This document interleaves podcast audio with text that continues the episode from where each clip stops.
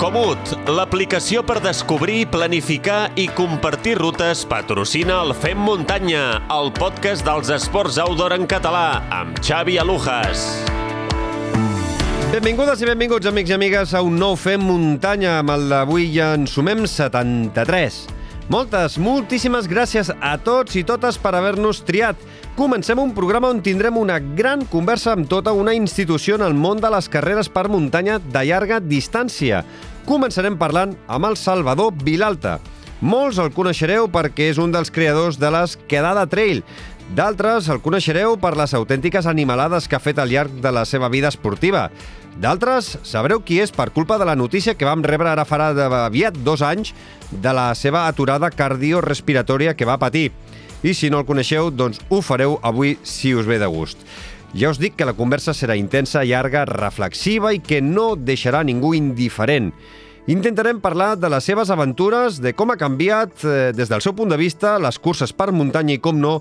També parlarem del que va passar el 26 de desembre del 2020 i que encara avui dia pateix les seves conseqüències. També tindrem dosis de test de material i ho farem amb en Pol Puig. Avui encararem dos models de sabatilles ultreres. En Pol ens eh, portarà la Saucony Sodus eh, Ultra i jo parlaré de la Salomon Pulsar Trail. I acabarem viatjant des d'Itàlia fins a Girona, perquè amb en Gerard Freixas parlarem del Campionat Mundial de Plogging i de la cursa de muntanya de Girona.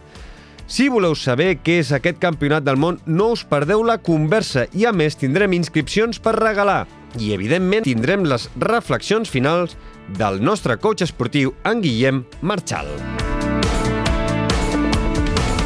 Tant si és la primera vegada que ens escolteu com si ho feu habitualment, no us oblideu de fer-vos subscriptors a la plataforma de podcasting que més us agradi.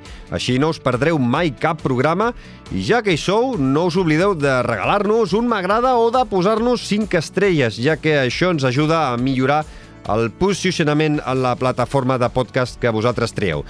Si a més voleu col·laborar econòmicament amb nosaltres, ho podeu fer fent-vos Fem Muntanyeros Premium per només 1 euro amb 99 cèntims al mes. D'aquesta manera ens ajudareu a continuar aquest projecte endavant i nosaltres us oferirem inscripcions gratuïtes per les millors curses de casa nostra i podreu escoltar abans que ningú les converses de forma individual. A tots els que ja ens doneu un cop de mà, moltes, moltíssimes gràcies a tots els Fem Muntanyeros i Fem Muntanyeres Premium.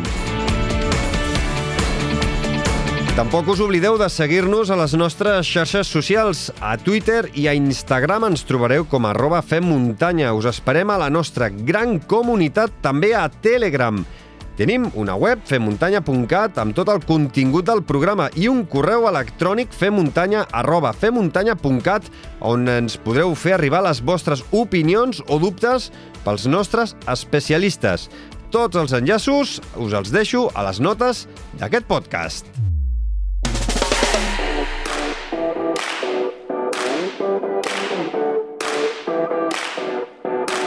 Abans de saludar el Salvador Vilalta, que de ben segur que haurà utilitzat Comut per planificar qualsevol de les seves aventures, deixeu-me parlar del millor planificador de rutes i aventures, ja sigui si heu de sortir a caminar o córrer o fer-ho en bicicleta.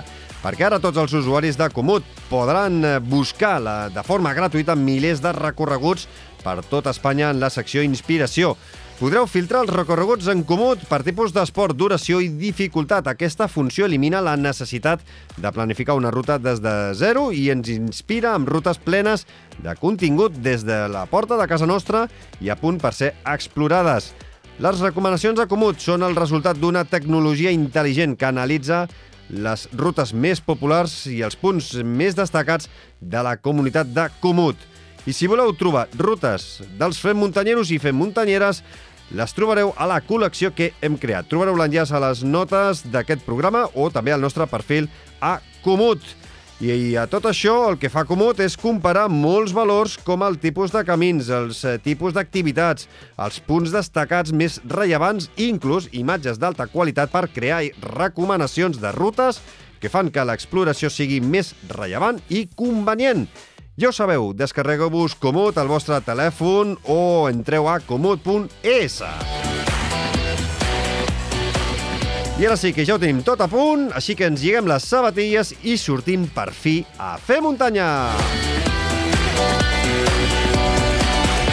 Fem muntanya, l'esport outdoor en català.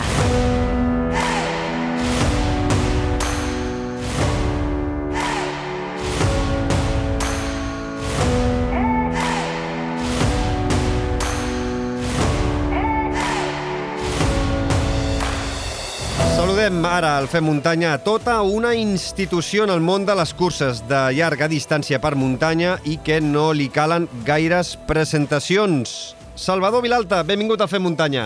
Hola, bon dia, què tal? Molt bé. Primer de tot, ja has sortit a córrer avui? Uh, sí, sí, sí. Uh, ha tocat sortir amb el frontal perquè ara es fa de dia uh, més tard, però, però sí, sí, ja hem sortit dues hores i mitja i au, ja tenim la feina feta per avui. I com t'has trobat? Bé? Uh, sí, sí.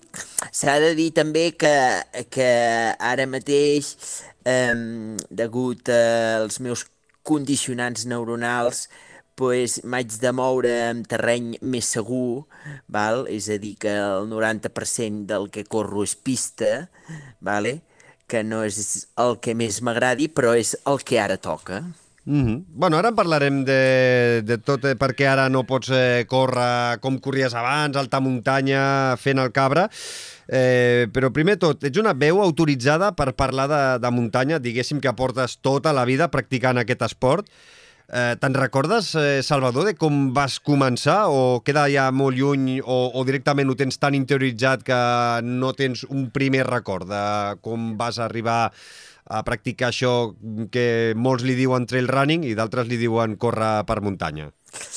Bé, um, podríem dir, de fet, que, que la meva primera experiència així de llarga distància, per, per dir-ho d'una manera, eh, a, a través de la muntanya, doncs, doncs va ser amb 14 anys acabats de complir, que es feia una caminada aleshores. Aleshores, crec jo que els ultratrails, almenys aquí a Catalunya, no existien a l'any 1994, eh, que va consistir en, en anar des de Castellterçol, que és el poble on jo visc, fins a Montserrat, que eren 50 quilòmetres no? Uh -huh. I, I no sé, ara no ho recordo, però hi devia estar entre 10 i 12 hores aproximadament, no?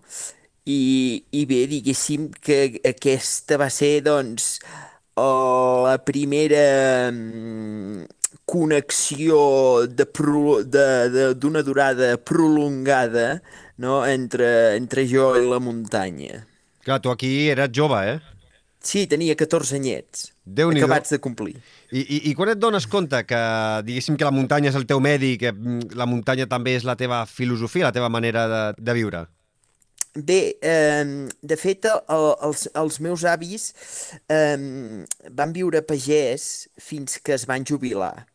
I, i jo des de ben menut, eh, sempre que podia, estava doncs, a casa dels meus avis, a l'estiu, quan no tenia col·le, eh, i això, val? I, i amb el meu avi doncs, doncs anàvem que si a buscar bolets, que si a buscar tòfones, que a buscar llenya, collir patates, i diguéssim que el que és la connexió amb, el, amb la muntanya i amb el medi rural, doncs ja ve des de que jo, com qui diu, caminava, o vaig començar a caminar, no?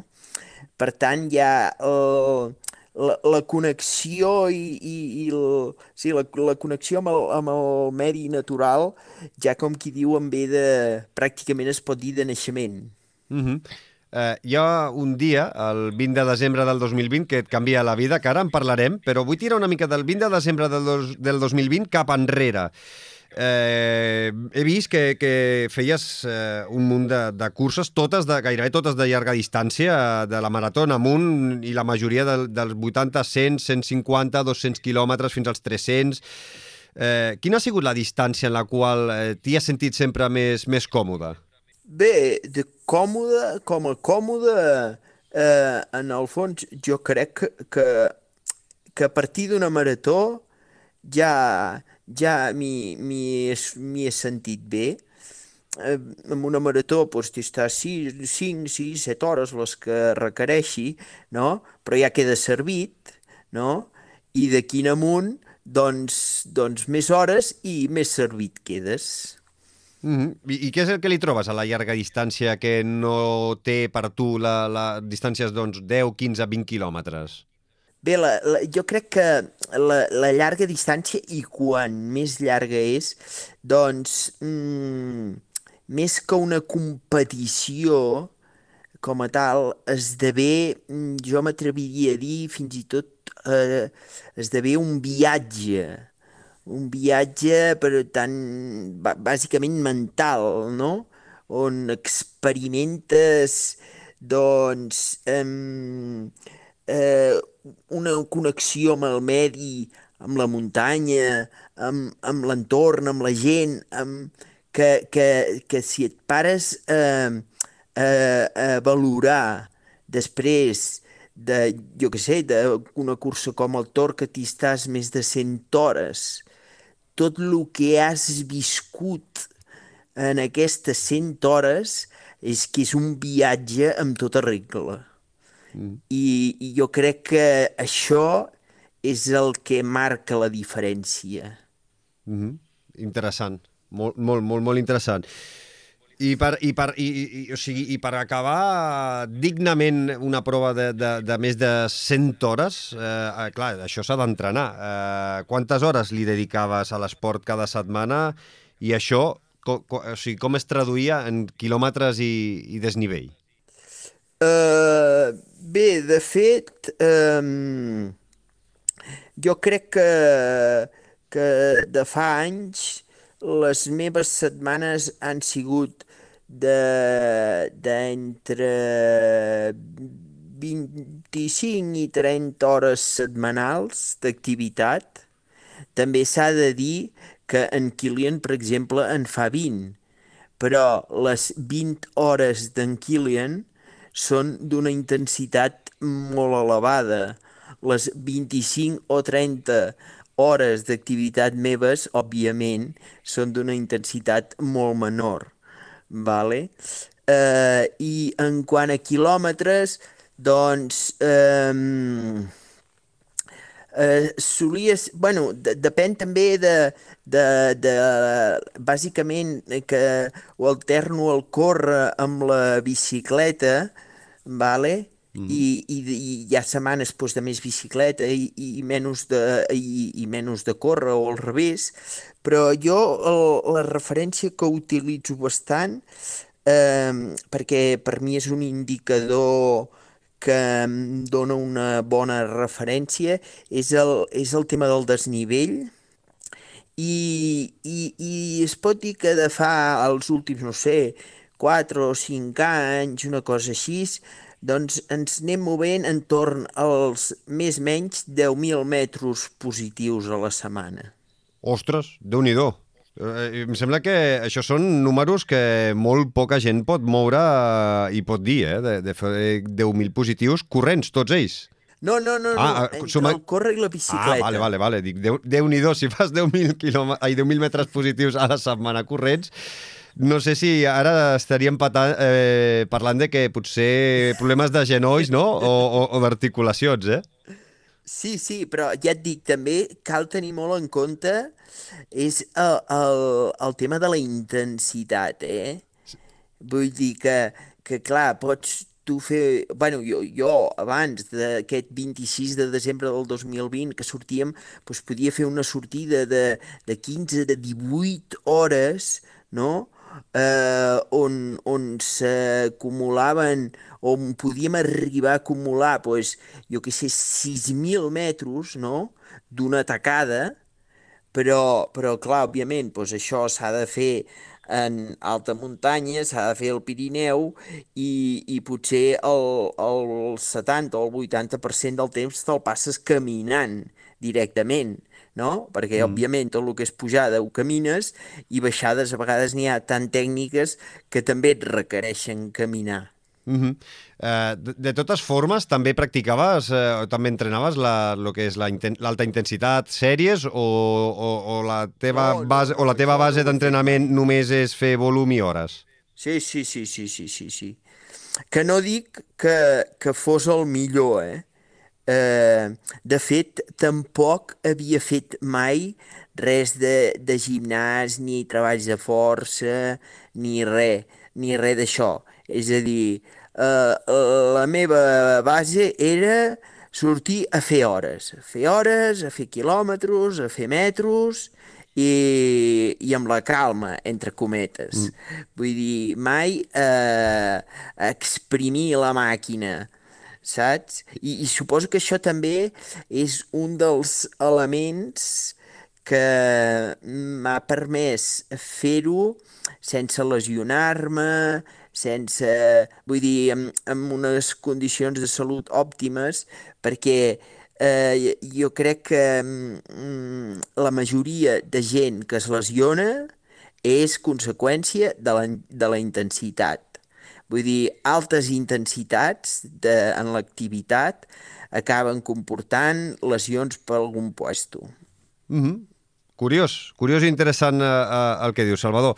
Clar, per fer tantes hores eh, a la setmana, mm, a què et dediques professionalment i, i com ho combines, la, la teva professió amb l'esport i també pues, una miqueta amb les tasques de, de casa? Perquè el dia té 24 hores, són 172 hores a, a la setmana, eh, 25-30 hores entrenant, eh, clar, eh, et queden un, li treus 6, 7, 8 hores de dormir, a la setmana, a, a cada dia, eh, em sembla que és tot difícil una miqueta compaginar-ho. Com, com tu fas, Salvador? Bueno, bàsicament, eh, entre setmana... Bueno, eh, la qüestió és, és llevar-se ben d'hora, vale? aquesta és una de les premisses. De fet, eh, bueno, ara perquè estic de baixa, mm, si tot va bé, pròximament ja, ja tornaré a treballar, i, i, i ara m'estic llevant, eh, que per mi és molt tard, però clar, és que eh, l'estant de baixa quasi bé més d'hora semblaria una mica fora de lloc, però m'estic llevant a les 6 del matí, no? Però eh, eh, abans, quan treballava, doncs em llevava a les 4 normalment o així, entre setmana, i sortia a fer activitat a dos quarts de 5 del matí. Déu, de, déu nhi I, i, I, I després, clar, què treball, eh, o sigui, a què et dedicaves i, i, i, i clar, i com, com, com ho, compaginaves tot? Bueno, doncs eh, treballava eh, en el món de l'alta tensió, vale? eh, treball, eh, podríem dir que un, potser un 70-80% d'oficina i un 20% de camp les instal·lacions d'alta tensió. Val? El que passa que eh, el que feia era eh, aprofitar, per exemple, el desplaçament de casa a la feina i fer-lo en bicicleta i per dir alguna cosa sortia a dos quarts de cinc del matí de casa i a les 6 de un quart de set o així estava a la feina i eren, doncs això, a les 6, un quart de set i havia fet una hora i mitja o una hora 45 d'activitat. Clar. I després, doncs, molts dies a la tarda tornava a casa de nou amb la bicicleta i li fotia una altra hora i mitja, saps? És a dir, que, que, que és qüestió de buscar aquells forats no? que et permetin eh, pues, doncs això anar rascant d'aquí i d'allà, no? És a dir que, en, en el fons, eh, eh, el, una mica el resum seria de l'ordre de, de 10 hores entre setmana, bueno, 10-12 hores entre setmana, doncs que s'acaba traduint en dues hores, dues hores i mitja al dia o així, i, i després sí que el dissabte hi havia una bona tirada de 10 hores o 12 més i diumenge doncs 4 o 5. déu nhi I, i aquí i aquests són els números, vaja. O De... eren els números. Sí. Déu-n'hi-do. I, I, a més a més, eh, eh, també havies participat en les curses més bèsties, llargues, difícils d'Europa. De, no et preguntaré per totes, perquè podríem dir que podries fer un, un podcast tu sol, parlant d'aquestes curses, de les teves experiències, eh? Però mm, per no fer-ho tampoc molt, molt llarg, eh, segurament que ja, més endavant et tornarem a trucar i ja parlarem de curses en específic, perquè jo crec que, escolta, la gent, si ens ho demana a través de les xarxes socials, a través del canal de, de Telegram i que si la gent té ganes d'escoltar-te, ja, ja, ja et tornarem a trucar perquè parlem de, de curses en, eh, en concret, eh? però per tu, de totes les que has arribat a fer, Quina ha sigut aquella prova que t'ha marcat més com, com a persona i com a corredor, aquella que, que te portes més, una millor experiència, que, que mm, has après més? Mm, doncs, eh, bé, eh, eh, si considerem així com a curses bèsties, podríem parlar de curses de, de 100 milles o més, doncs, doncs clar, n'he fet més d'una vintena, val? Però, però si m'hagués de, de quedar amb aquelles que m'han deixat una forta empremta, eh, parlaríem del Tor dels Geants, de la PTL i de la meva estimada eufòria d'Andorra. Eh, cada una té el, té el seu, el Tor dels Geants per, per la immensitat de la vall d'Aosta, però a la vegada pel, pel tracte i, i per la relació i per com et cuiden la gent de la vall d'Aosta que se la senten molt seva, però a la vegada fan que, que tu et sentis com a casa seva i volen, que i, i per, per, ells, per ells tenir-te a tu allà, per ells és, hòstia, una cosa que, que, els, que els alegra, saps? Com dient, hòstia, mira, aquest paio ha vingut de... ha fet, jo què sé, 800 quilòmetres, jo, en el meu cas, però un altre n'ha fet 2.000, potser, per arribar fins allà, no? I, i hòstia, ells s'estimen molt la seva vall i que vingui la gent allà a la vall d'Osta, doncs per ells és, és molt... ho valoren molt, no? I a la vegada tu et fan sentir eh, un gegant, saps? Perquè, hòstia, el, ja et dic, la relació, el tracte amb aquests voluntaris és brutal, no? De fet, aquest estiu, eh, bueno, ara fa, no fa massa, vaig, vaig anar a acompanyar eh, a, a un company eh, eh, als, al Tor dels Glaciers i, i, i en una base de vida una dona se'n recordava de mi de que hi havia estat hi havia passat per allà en aquella base de vida tres vegades, saps? Vull dir, imagina't que dius, em va, i la dona em va dir, jo tu et conec, o tu has estat aquí, i has estat com a mínim tres vegades, saps? Vull dir que, que això marca, no? I tant. I, i, i, és ben, I, i, és, I és ben difícil, eh, que passi això, perquè serà que al Tor de Geants no hi ha corredors que passin per allà. Vull dir, el Tor Exacte, de... i vulguis de... o no, amb, amb 12 anys que té la cursa, doncs imagina't tu la de corredors que hi hauran passat per allà.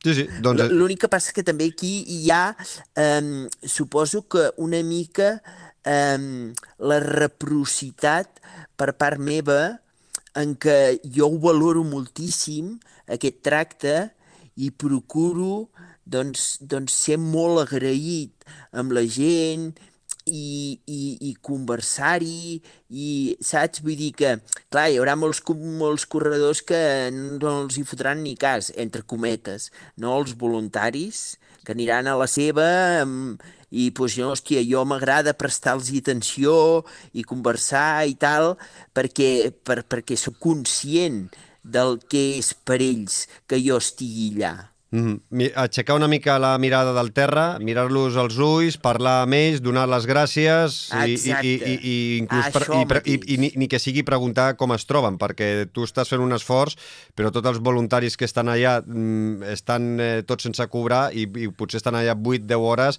amb unes condicions no sempre òptimes, vull dir que és, o són les 3 de la matinada... Ah, això mateix. Sí, senyor. Tu acabes de dir. De fet, un, un any que hi vaig anar-hi uns dies abans, eh, voltant per allà, vaig veure eh, uns papers així en una botiga que es deia, eh, mira, eh, es demanen voluntaris pel tor i tal en torns de 8 hores saps? Mm -hmm. Perquè, clar, allò al ser de, de diversos dies, bueno, es pot dir com qui diu d'una setmana, bueno, de fet, ara havent-hi els glaciers de més d'una setmana, Sí, sí. no? Doncs, doncs clar, eh, els voluntaris, òbviament, ens s'han d'anar tornant i han d'anar rotant, no? Però fan torns doncs, com en una fàbrica de, com qui diu, no?, de 8 hores. I, i, la, i, i la gent doncs, va a treballar la seva jornada i quan acaba doncs se'n va a fer el seu torn en el, en el, de voluntari en el torn dels gegants. Mm -hmm. Vull dir que això té tela, eh? No, no, és, té, eh, seria per un capítol a part, eh? seria per agafar i poder parlar amb algun d'aquests eh, voluntaris d'aquestes ultres tan, tan, tan bèsties. Eh, escolta, Salvador, hi ha alguna cursa que t'hagi posat el teu límit físic i, i sobretot mental? Alguna cursa que diguis, doncs no sé, eh, que t'hagi posat al, al punt d'haver d'estar a punt de plegar, perquè no ets un tio que pleguis en moltes curses. No, doncs mira, doncs ara que parlàvem justament del Tor, jo eh, eh, vaig córrer la, la seva segona edició l'any 2011 i, i va ser una experiència brutal, no? perquè de fet no sabia on em fotia jo, val? Eh, perquè clar, sí, prèviament havia fet, havia fet curses de 100 milles, però, però de 100 milles a, a 200 milles doncs, doncs hi ha una certa diferència, no? perquè amb les de 100 milles doncs, sols fer una nit o, o com a molt part d'una segona i tal, no? però clar, curses ja de quatre nits, no? Doncs pues bé, eh, la qüestió és que vaig fer el primer torn i, i, i va anar tot de puta mare, vull dir, vaig, vaig fer un viatge però, però el més enllà i de llarg, eh? Saps? I, i el, i, i també s'ha de dir que jo el 2011, quan, quan el vaig fer, eh, aquest torn, el vaig fer molt a consciència i, i, i molt convençut i molt motivat i, amb, i, i, i vull dir, era, i era, havia de fer-lo sí o sí, vull dir, perquè em cridava, saps? Vull dir, allà hi havia, hi havia algú que em deia Salvador i has d'anar-hi, no? I el 2014 un company em va dir, va, Salvador, anem-hi. I, hòstia, no, ja l'he fet una vegada, crec que és una cosa molt heavy i tal, però em va acabar enredant. I, i vaig anar-hi potser eh, més per, per el meu company que em va enredar, per dir-ho així, que, que no per allò aquell sentiment i aquella crida que, que vaig sentir a l'any 2011, no? I res, la qüestió és que el 2014, quan hi vaig anar, es va torçar tot, tot es va torçar, tot va anar malament. I, eh, i, i tot i així jo anava avançant, però, però, però, però les vaig passar molt i molt i molt canutes, fins al punt que vaig arribar al refugi del Penzo, que és allà al quilòmetre 210 o una cosa així, no? I, i, i just eren les 12 del migdia. I quan hi havia passat el 2011 eren les 12 de la nit. Val? Portava 12 hores de retard. Però bueno, que no passava res, no?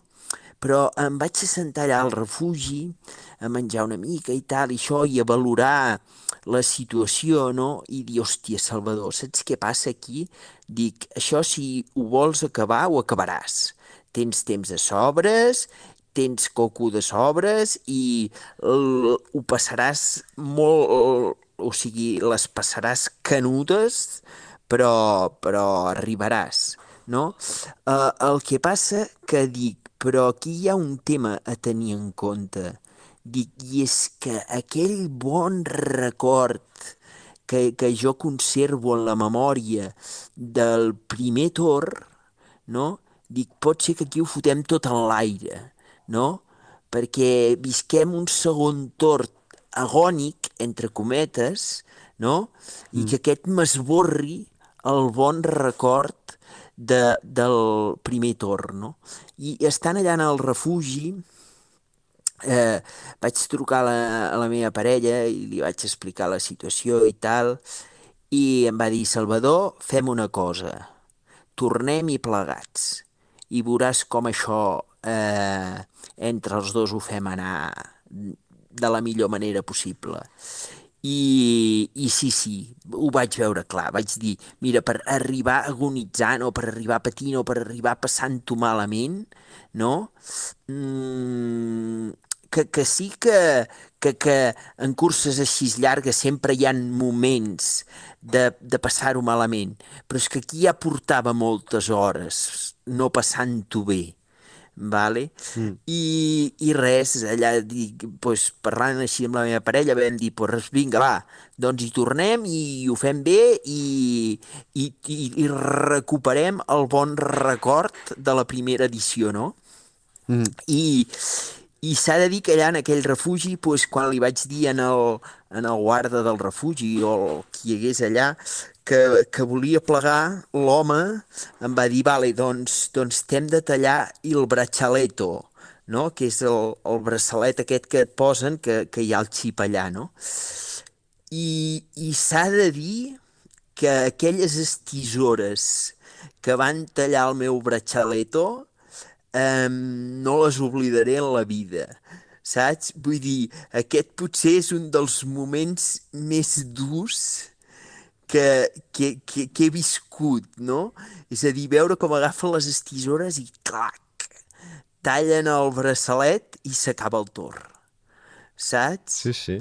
Això, la, veri la veritat és que em va fer molt mal al cor. Però, però ja has tornat, però bé, però ja has, tornat, uh, ja has tornat al torn. Sí, sí, sí, sí, vam tornar. Eh, el 2015 no em va tocar el sorteig, però vaig dir, igual, no passa res, anirem insistint fins que toqui. I el 2016 va tornar, eh, o sigui, em va tocar, i vam tornar-hi i, i vam repetir l'edició del 2011 i, i ja vam fer les paus. De fet, estàvem empatats amb el Tor, un a un, doncs vam tornar-hi a desfer l'empat i ja està.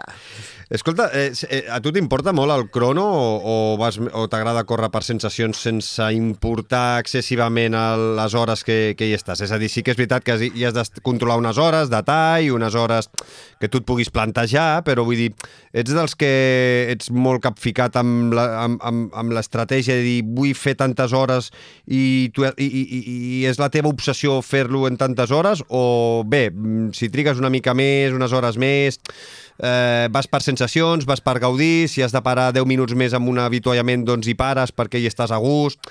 És a dir, eh, eh, eh, no sé si m'explico, eh? Ets més de córrer, córrer, córrer, sí, fes-ho, sí, fes-ho, fes-ho, perfectament. o és més vaig a disfrutar no, no, no, de, de l'experiència?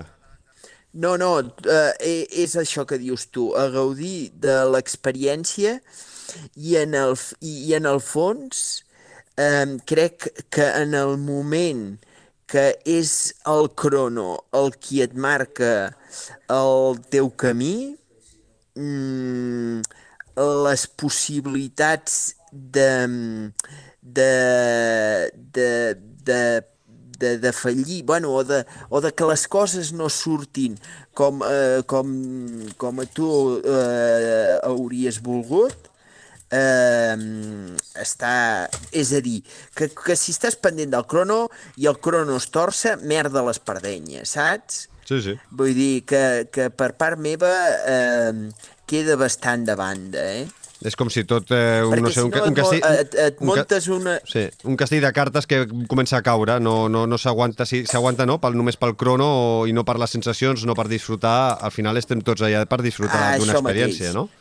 Exacte, i és a dir, en el moment que tu et montes unes expectatives i aquestes expectatives es comencen a torçar, ja l'has liat. Uh -huh. Escolta, creus que ha canviat molt l'ambient de, de les curses per muntanya en els darrers 20-25 anys? Eh, és a dir, l'ambient abans era molt diferent al que hi havia ara, la, tant en l'organització de les sí, curses sí. com amb la gent que hi participa. Tu creus que dius, ostres, no té res a veure del que hi havia l'any 98, 99, 2000, eh, amb les curses que, que, que hi ha ara. És a dir, aquest cap de setmana passat doncs, hi ha hagut l'Ultra Pirineu. L'ambient és molt diferent al d'ara al que a la seva primera edició, per exemple? Sí, sí, totalment, eh? Jo crec que, que hi ha hagut... Jo el canvi potser el, el visualitzo més eh, en quant als, als corredors. És a dir, eh, eh, jo crec que, que els corredors actuals val, estan molt més pròxims i molt més pendents de les xarxes socials, vale? I que si de la foto a l'Instagram i que si de no sé què i de l'Strava i del Facebook i de no sé què, estan molt més pròxims i molt més pendents de les xarxes socials i del què veurà aquest i del què dirà l'altre i del no sé què, que no pas de la muntanya, de l'entorn, i, i, i tu aquesta gent els hi preguntes, hòstia, i veu pujar per aquell coll o veu fer aquell cim i no tenen ni idea del recorregut que han fet, saps? Mm. És a dir, que ells el que els hi preocupa, eh, vull dir, jo el que veig és que els corredors d'avui en dia, que jo també eh, n'hi dic corredors de nova generació, no? A la majoria dels d'avui en dia, perquè és cert que dels que corrien fa, doncs, doncs 15 anys enrere, avui en dia també n'hi ha pocs, no? Doncs els de nova generació, que són els d'avui en dia, jo els veig més pendents, i que si la GoPro, i penjar el vídeo al YouTube, i no sé què, saps? Més pendents de, doncs d'això, de les xarxes socials, que de la pròpia muntanya, i de per on passen, i de, de, de, de mirar l'entorn, i veure aquell cim, i saps? Mm. Eh, eh, a tu t'agrada quan surts a córrer, I... parar en un cim i fer eh, alguna foto a la muntanya, les paisatges i, no sé, també fer-te algun selfie o no? No, no, bueno, jo fotos no en faig, és a dir, parar sí, parar i fotre un gir 360 graus sí, fotos no perquè, perquè ho, ho retinc a la memòria. I vull dir, i en tot cas ja hi tornarem a pujar aquell cim, i tornarem a fer un altre 360 graus, saps? Sí que és cert que, que no sóc de fer fotos, saps? Mm -hmm. Perquè, bueno, mira, així. I, i, I en relació a això que et comentava, eh, la veritat és que eh, ara, doncs, des de... M'he començat a, a posar bastant amb tot el tema de l'estudi de la ment, i de la neurociència i, i, i, i tot, tot això mm, per, pel que m'afecten a mi, no? Mm. I, i, i l'altre dia vaig estar llegint eh, a una, a una a una neurocientífica molt interessant, una tal Marianne Rojas, que la tia el que parlava era de la, de la serotonina, de, perdó, de la mel, melatonina, no? que és aquella substància que, ens, que generem quan hi ha alguna cosa que ens dona plaer. Mm. Vale? I el que deia és que avui en dia la maleïda pantalla del mòbil, vale? el que ens provoca són, ella em va dir, chispazos de melatonina, ¿vale? És a dir, que la gent que li preocupa eh, anar a fer aquella cursa i penjar la foto a l'Instagram, no? I veure els likes i el que diu la gent i no sé què, no? I, i clar, després penja la foto i, i miren el, el, el que diu la gent, el que comenta i el que, els likes i tot, i cada vegada que obren l'Instagram, doncs pam, xispazo de melatonina, no? Però, però què passa? Que, que no deix, és, és una melatonina que, que, que no deixa de ser una guspira. Vull dir que, que al moment que apagues el mòbil aquella melatonina ja ha desaparegut.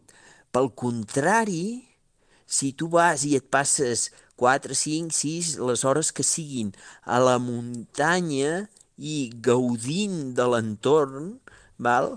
allò són 4 o 5 hores que has estat generant melatonina allà a gogó, saps? Sí. I que aquesta no s'esborra.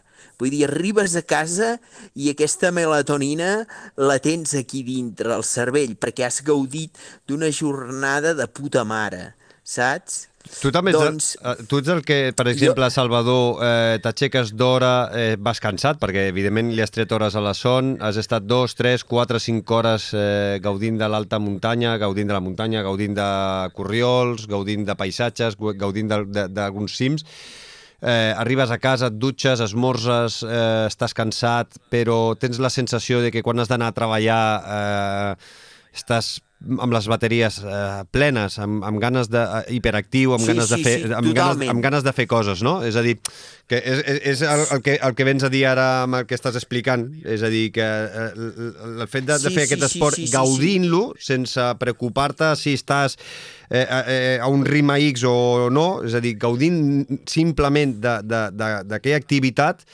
doncs eh, fa que estiguis tot el dia carregat de, de, de com d'una energia positiva. Totalment, totalment, ho has descrit de la, de la millor manera possible. Mira, i com a exemple, eh, més, un exemple molt senzill, no? Eh, jo quan anava a la feina en bicicleta, doncs, jo què sé, em llevava eh, dos quarts de cinc del matí, allà a tres quarts així sortia i potser feia una hora i mitja o així de bicicleta, arribava a la feina, em dutxava, esmorzava i vinga. I, i hi havia dies que a quarts de vuit del matí doncs fèiem una primera reunió on hi havia, jo què sé, 15 o 20 persones. Um, eh, virtual, no? Vull dir, cada un al seu centre de treball i tal, no? I, i jo me'n donava compte com, com per qualsevol xorrada la gent allà hi veia una de problemes, saps? Mm. I jo ho veia tot facilíssim. Vull dir, no n'hi veia cap de problema. Dic, pues, oita, això es tracta de que aquesta persona vagi allà, faci això i ja està, ja hem acabat, pum, llestos, saps? I gent que vinga a donar-hi voltes i voltes, però hòsties, que clar, si no sé què, si no sé quantos... I jo crec que simplement aquest canvi de visió d'una mateixa situació respecte a aquella persona que s'acaba de llevar, que arriba a la feina mitja dormida i suposo que amb un estat d'ànim pues, no massa òptim i tal, respecte a jo, que m'he cascat una hora i mitja de bicicleta i tot i que hagi sigut de nit i amb el llum i tot, pues, jo crec que la diferència és abismal, eh? Mm -hmm. No sé si preguntar-te perquè tot això que estem parlant fins ara, ara, ara ens queden uns minuts per parlar del 26 de desembre del 2020 fins ara, eh? però tot això que hem parlat fins ara és parlant de que ets vegà. Eh, no sé des de quan eh, doncs no proves cap aliment d'origen eh, eh, animal, però, bueno, primer, des de, des de quan ets vegà, Salvador? Doncs ara fa 5 anys. I, i, i- has notat una millora encara en el, en el, en el rendiment des, des de llavors? Mm, jo eh, no sé si atribuir-ho a una millora, però sí a un increment d'activitat. Que, que, que també és cert que, vull dir, al final l'activitat pels que en fem cada dia acaba sent una addicció. Vull dir, també hem de ser realistes amb això, no? I, i clar, tota addicció sempre vol més i més i més, no? I és a dir, pues sí que és cert que des de que sóc vegà he fet, eh, bueno, cada any eh, pues, més activitat, no? Que no, no, no vull dir que ser vegà et dongui, et dongui més energia per fer activitat, però almenys, almenys el que sí que puc confirmar és que no te'n resta saps? No és que digui, hòstia, no, des de que sóc vegà um, he deixat de fer activitat. I, i, i en relació a aquest tema que, que és com una mica tabú i això, jo crec que, que no- només cal destacar que en Kilian, en Kilian Jornet, que em sembla que tothom el coneix, I tant. Sí, sí. Doncs, doncs ell és vegetarià i, i crec que, que una persona que analitzi més l'entrenament i, i la fisiologia del cos i, i tot el que hi ha entorn a la competició i tal, més que ell, jo crec que hi ha poques persones. Vull dir que si en Kilian, sent vegetarià, és capaç de fer el que ha fet, eh, que crec que poc li queda per demostrar, doncs, doncs jo crec que, que, que és compatible, no? I que, que eh, eh, el, el, el fet de ser vegà o eh, eh, a la gent que ho desconeix i tal, sempre eh, eh, posa com... Eh, hòstia, eh, posa en dubte no? la proteïna vegetal, no? Hòstia, o, o els hi sembla que estàs malnodrit, no? el no fer ús de la proteïna animal, però jo sempre explico un, un, de, de, una, una, un, una, un tema que crec que és molt entenedor i és el següent.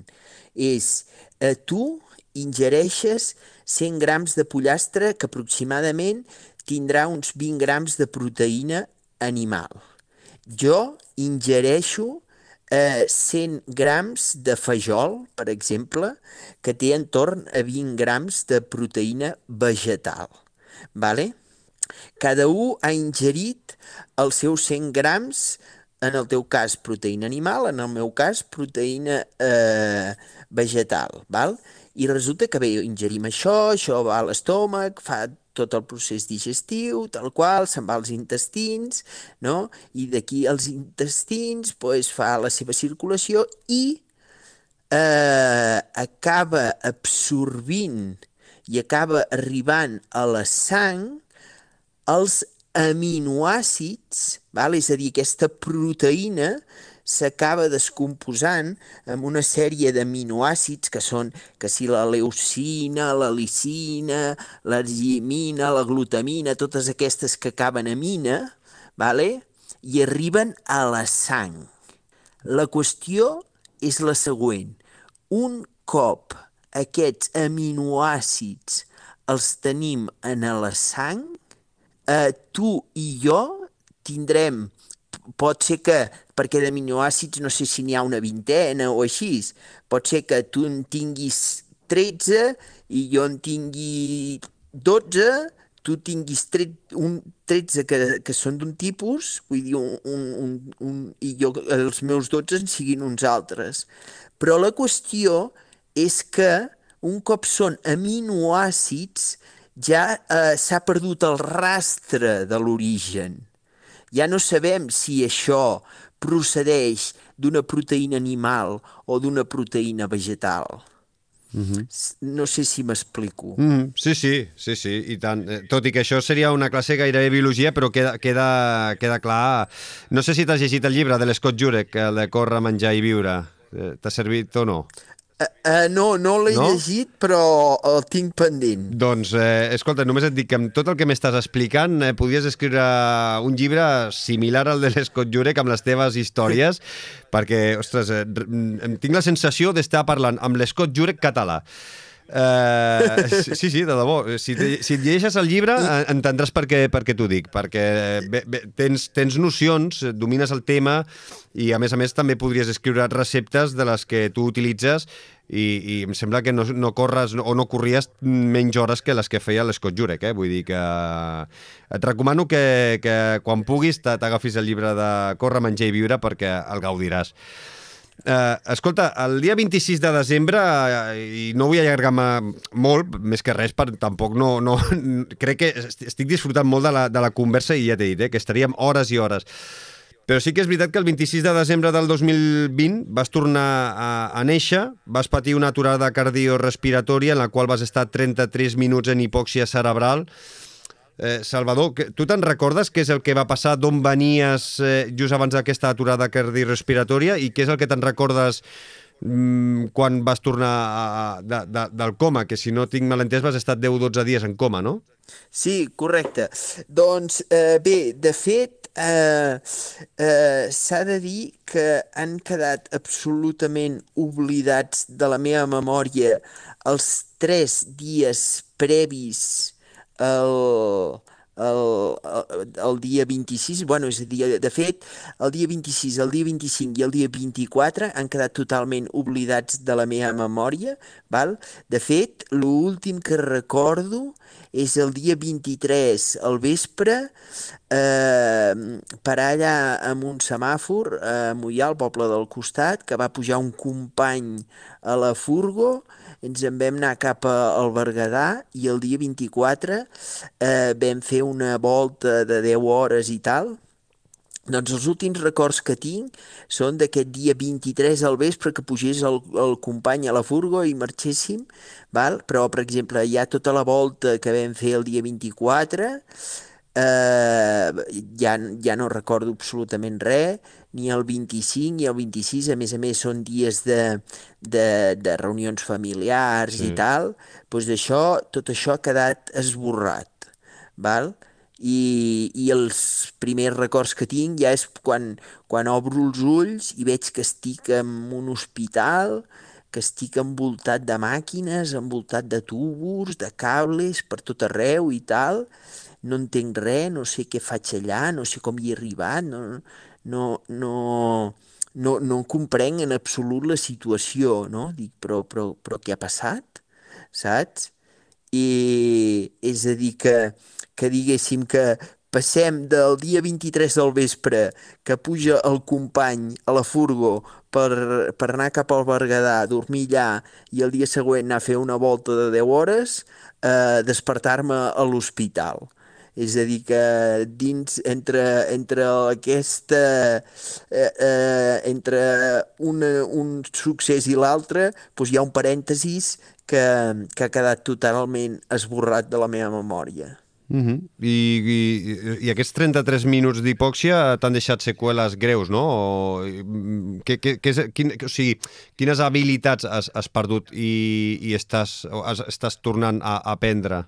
A, a, a fer de nou. Sí, doncs, do, doncs eh, bàsicament eh, eh, eh, seria eh, la psicomotricitat, o sigui, el, el que ara eh, les principals dificultats que tinc a dia d'avui vindrien a ser la psicomotricitat fina, és a dir, l'escriure a mà, el fer anar el ratolí amb fluidesa, tal, vale? això en quant a, diguem, a les mans i a la psicomotricitat fina, no?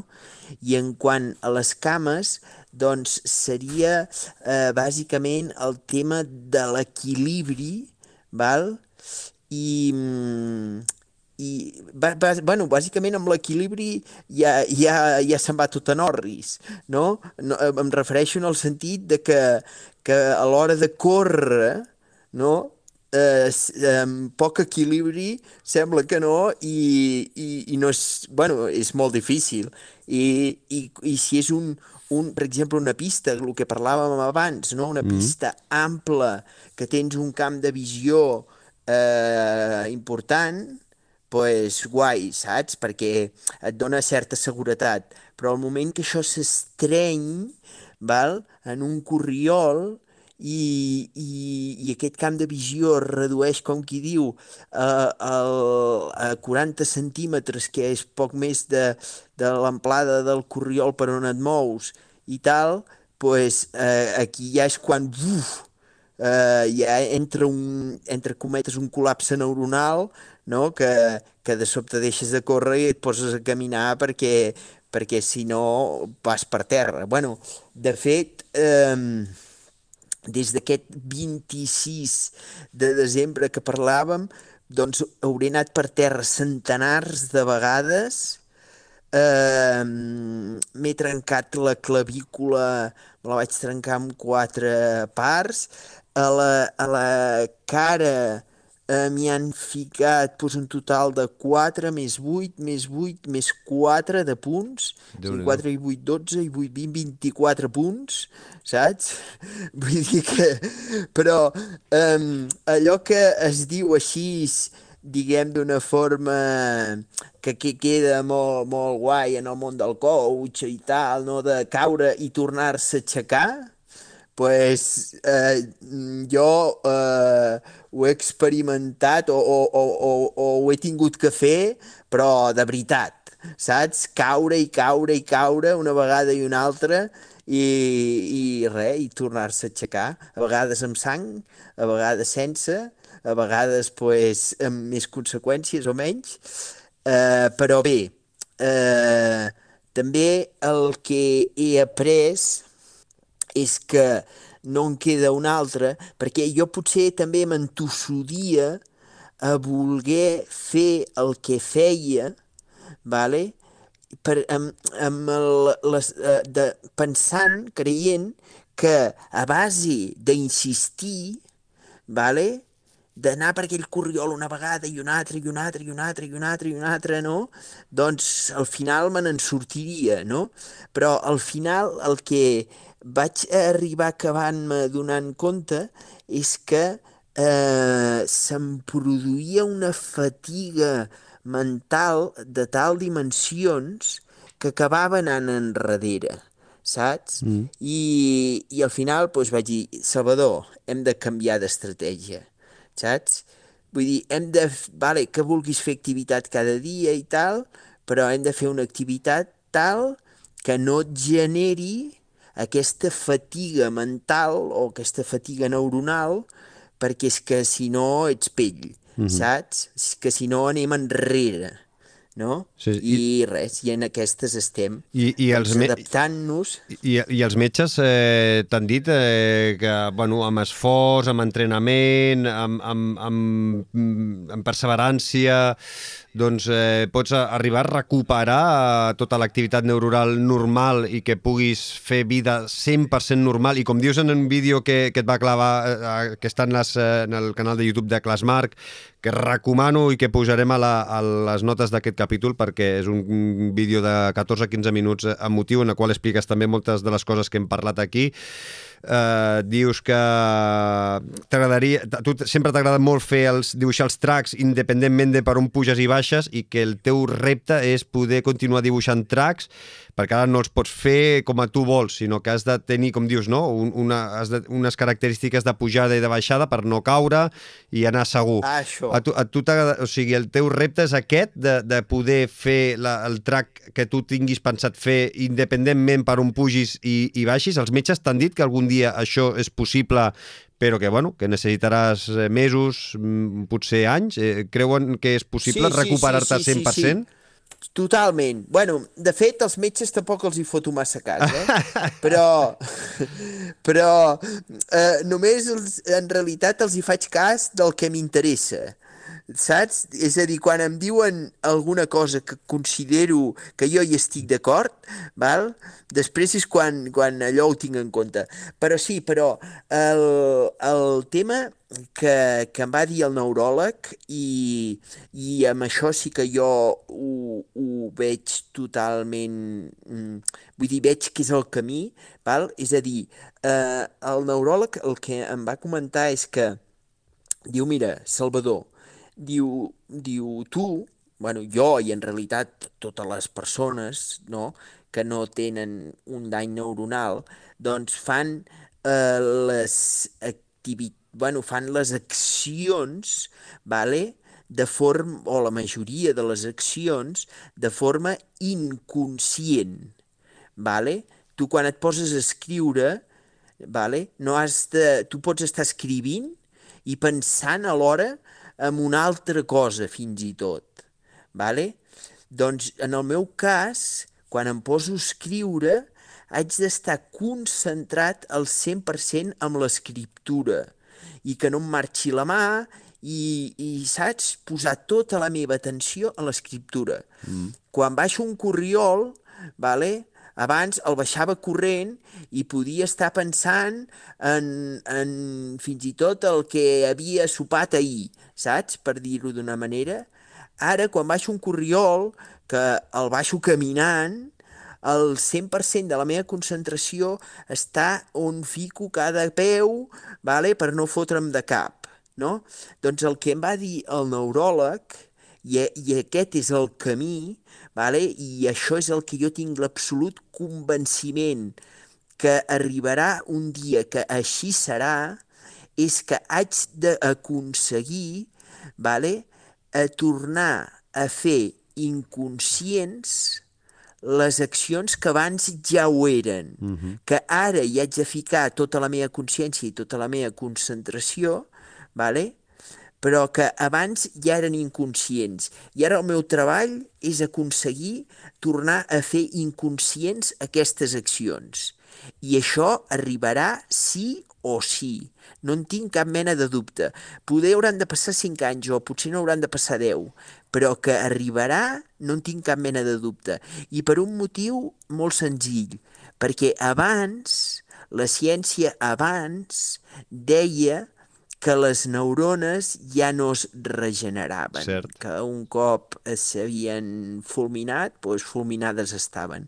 Però ara ja la neurociència i això ja ho nega. Vull dir, ja diu que, que amb estimulació i que amb treball i que tal, les neurones es tornen a generar. És a dir, que aquí la feina que tinc ara és generar neurones a gogó, vale? i tornar a establir noves connexions neuronals i, i res, i arribarà el dia que hi tornarem, mm -hmm. sense cap mena de dubte. El que no sé i, i també m'he donat compte amb el temps que jo mm, inicialment em vaig marcar un, un termini, que això m'ho vaig muntar jo, una pel·lícula mental que jo em vaig dir, va, que en un any ja estaràs on t'estaves. I això va ser un error garrafal, saps? El fet de, de, de posar-te tu aquest termini, bueno, de posar-me jo mateix aquest termini, vale? perquè va passar un any i estava un 5% millor que un any anterior, saps? Mm. Per dir-ho d'una manera.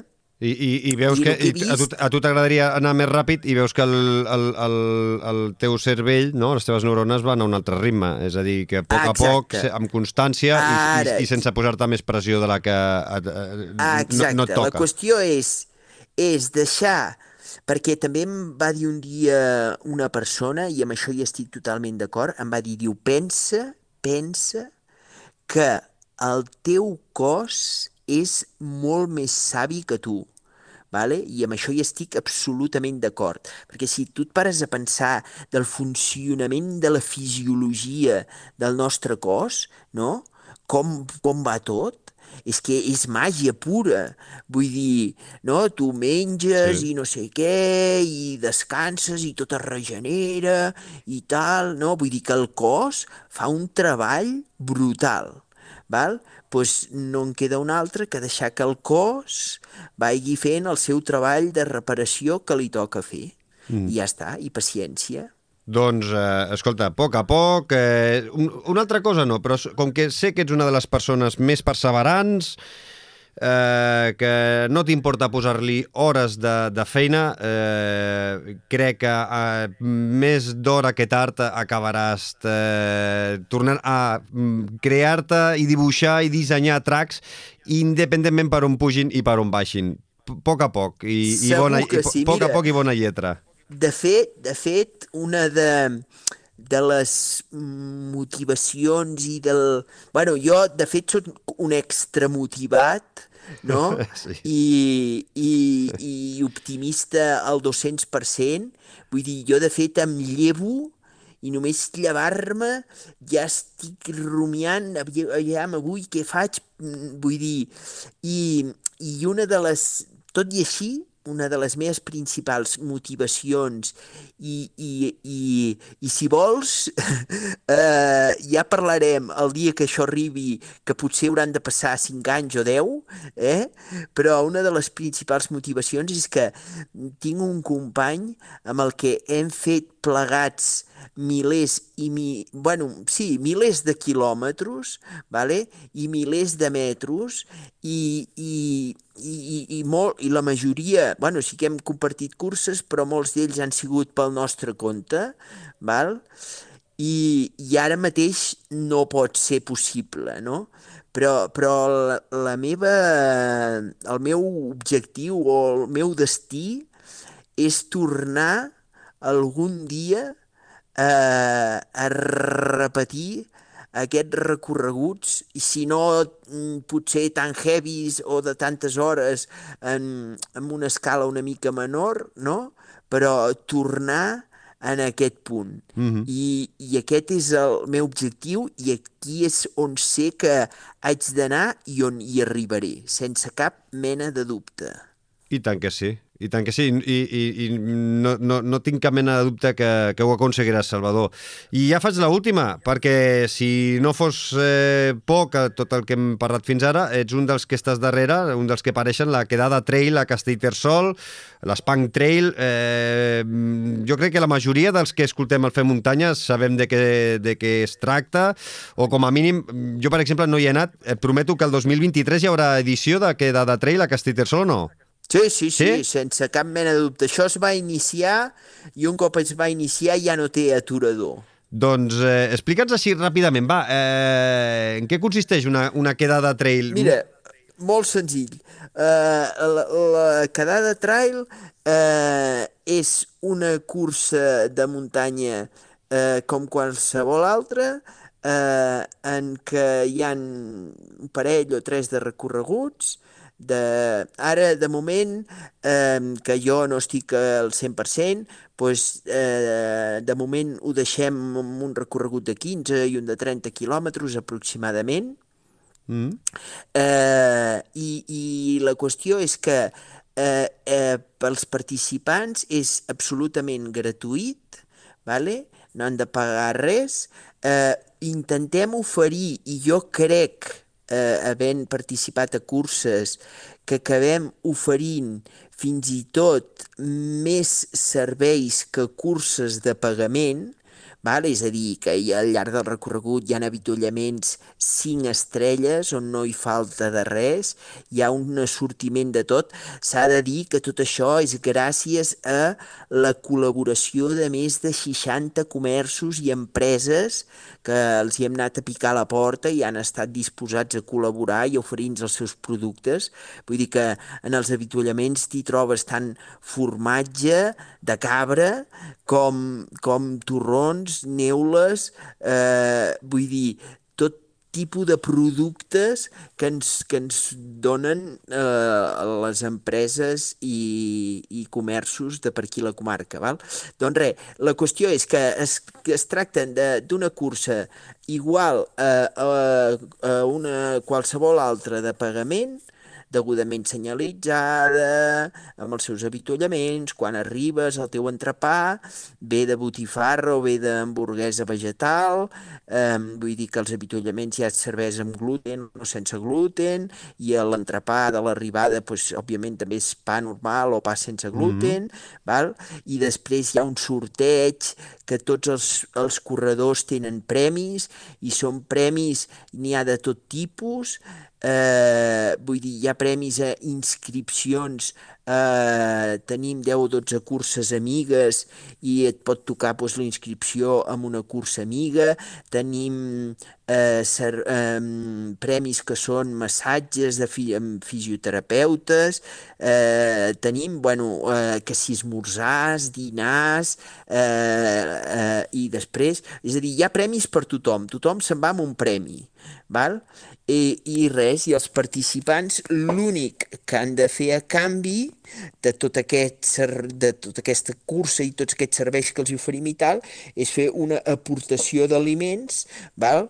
Que, que després doncs, doncs fem un recapte, bueno, amb aquesta aportació es fa un recapte que crec que amb les vuit edicions que portem ja hem recaptat més de 50.000 quilos d'aliments, val? I això ho portem a, a Càritas de, de Mollà, el poble del costat, uh -huh. perquè aquí Castellterçol ja, ja no hi és, i la veritat és que ens diuen els mateixos de Càritas que, per exemple, aquest any els hi vam portar 7.000 quilos d'aliments. I ens diuen que amb, amb, amb el que els hi portem nosaltres eh, que es fa al febrer, la quedada, que ja tiren tot l'any pràcticament. Doncs eh, llarga, que, ja, ja, això ja val la pena, que llarga vida la quedada trail, eh? Doncs ja ho saps, el 5 Sí. de febrer del 2023 t'hi esperem. Doncs allà, allà hi seré jo i crec que molts fem muntanyeros i són dels eh, habituals que de ben segur que, que hi van i que portaran quilos i quilos de, de menjar.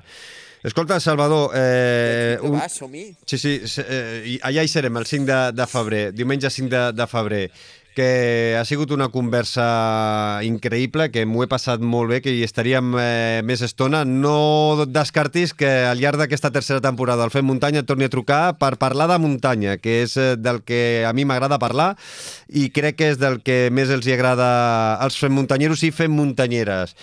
Que vagi molt bé, molta força, molta, eh, doncs, eh, molta energia i que no pari aquest optimisme que el món de vegades eh, necessita optimisme com, com el teu. Cuida't molt, una abraçada molt forta i com a molt tard, el 5 de febrer, ens veiem a Castitersol. Cuida't, una abraçada. Gràcies, Salvador. Vinga, va, una abraçada per tu també, ben parit, que ets un ben parit. Subscriu-te al podcast de Fem Muntanya. Ja us he dit al principi del programa, avui ens acompanya en Pol Puig, que és el nostre testejador de referència i també testejador per eh, Trail Running Review. Benvingut una nova temporada al Fem Muntanya. Pol, com estàs? Hola de nou, Xavi. Doncs molt content d'estar al Fem Muntanya una temporada més. No sé com has viscut aquest estiu tan calorós que hem patit, perquè ha estat bastant dur, sobretot per aquells que hem sortit a córrer per la muntanya. Home, doncs sí, eh? hem tingut un estiu per sobre de la mitjana i sort de sortir ben d'hora al matí, intentar també sortir per les zones més obagues, una miqueta per escapar-me, eh? com a mínim de la calor, i només ha faltat trobar-me moltes fonts seques, no sé si a tu també t'ha passat, eh, i així que he hagut de portar més aigua del que portava normalment, i sort del que també hem eh, parlat aquí, de cinturons, eh, d'armilles, de motxilles per poder portar més de mig litre, eh? Correcte, jo crec que no hi ha hagut cap dia que no hagi sortit amb una motxilla amb aigua, encara que hagin estat sortides curtes de 5 o 10 quilòmetres, eh? perquè per sort amb aquestes motxilles petites o els cinturons d'hidratació he pogut anar salvant a, aquests moments de calor. Abans d'entrar en matèria, per això, deixa'm felicitar-te per les converses que hem pogut anar escoltant aquest estiu. Ha estat molt interessant i un, i un bon entreteniment per a aquells que ens ha tocat treballar. Home, doncs a veure, moltes gràcies, Pol. La veritat és que, ser sincer, m'ho he passat molt bé eh, xerrant amb tots els convidats que han passat aquest estiu pel Fem Muntanya i, i animo eh, els oients que no ho hagin fet doncs, que recuperin eh, les sis converses que, que estan penjades del Fem Muntanya estiu. La veritat, són converses de, de menys d'una horeta i que es poden escoltar en qualsevol moment, eh, doncs, ja sigui anant cap a la feina, sortint a entrenar o desplaçant-se en a- alguna cursa. Eh?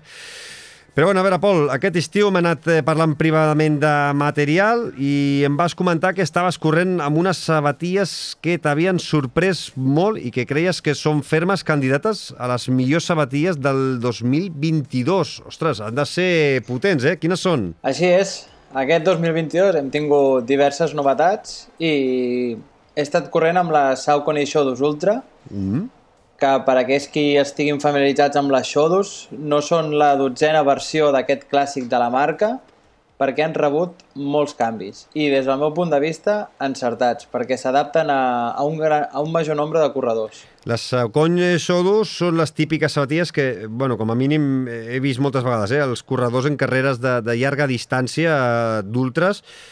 Quins eh, han estat aquests canvis que, que han introduït? Doncs els dos primers canvis que criden més l'atenció és s'ha rebaixat en gairebé 50 grams el pes, vull dir que passem a tenir una sabatilla bastant, bastant lleugera, sobretot si pensem en ultres, i s'ha pujat el drop de 4 a 6 mil·límetres.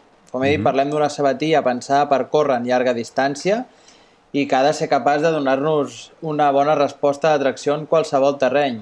Per això també Saucony ha modificat el dibuix de la sola i la prominència dels tacs. No? Els tacs són 0,5 mil·límetres menys profuns, hi ha més separació entre ells, amb la qual en terrenys més humits ens donarà, ens donarà més bona tracció, i la sola està dividida en tres parts, no? que això fa que quan trepitgem l'adaptabilitat de la sola al terreny sigui major, per tant hi ha més tacs que estan en contacte amb el, amb el terra. I, bueno, tot això al final el que provoca és un treball de manera conjunta d'aquests elements que ens ofereix una molt bona tracció en, en gairebé tots els terrenys. Només en terrenys realment enfangats les sabatilles han col·lapsat i on tampoc m'ha agradat gens la tracció que ens ha ofert la, la sola és en, en roca mullada, és on, on, més, on més ens ha fallat. Mm, jo fa, ara recordo, eh, eh, ja fa uns anys, eh, una Saucony eh, Peregrin, i la recordo unes sabatilles còmodes per córrer en terrenys poc tècnics, i com dius, eh, també fallaven en terrenys eh, molt enfangats i molt, molt humits, amb roca molt humida. Eh? Ara, això sí, en terrenys compactes, eh, pista forestal, corriols no gaire difícils, no gaire compromesos, eren super efectives, ràpides, reactives.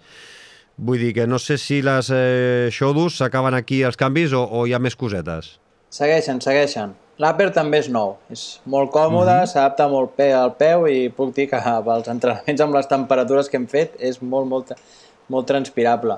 A més, han aconseguit una combinació de materials a la mitja sola que porta una amortiguació i una reactivitat eh, bastant bona, un, mo un molt bon balanç. Després, per aquells qui es preguntin una mica sobre l'estabilitat de la sabatilla, vale? en principi no té cap element específic que vagi dirigit a, a que el peu estigui estable, però realment la, la seva construcció ens, ens aporta molta estabilitat en terreny tècnic com, com en pista forestal. Eh? Realment uh -huh. he, mhm. he gaudit molt i corres amb seguretat. Ja dic, aquest estiu he aprofitat per utilitzar-les en terrenys molt secs, però també en terreny d'alta muntanya, en, en sortides per la zona del Pic de Ballar o el Coma Pedrosa, com també a Os de Civís.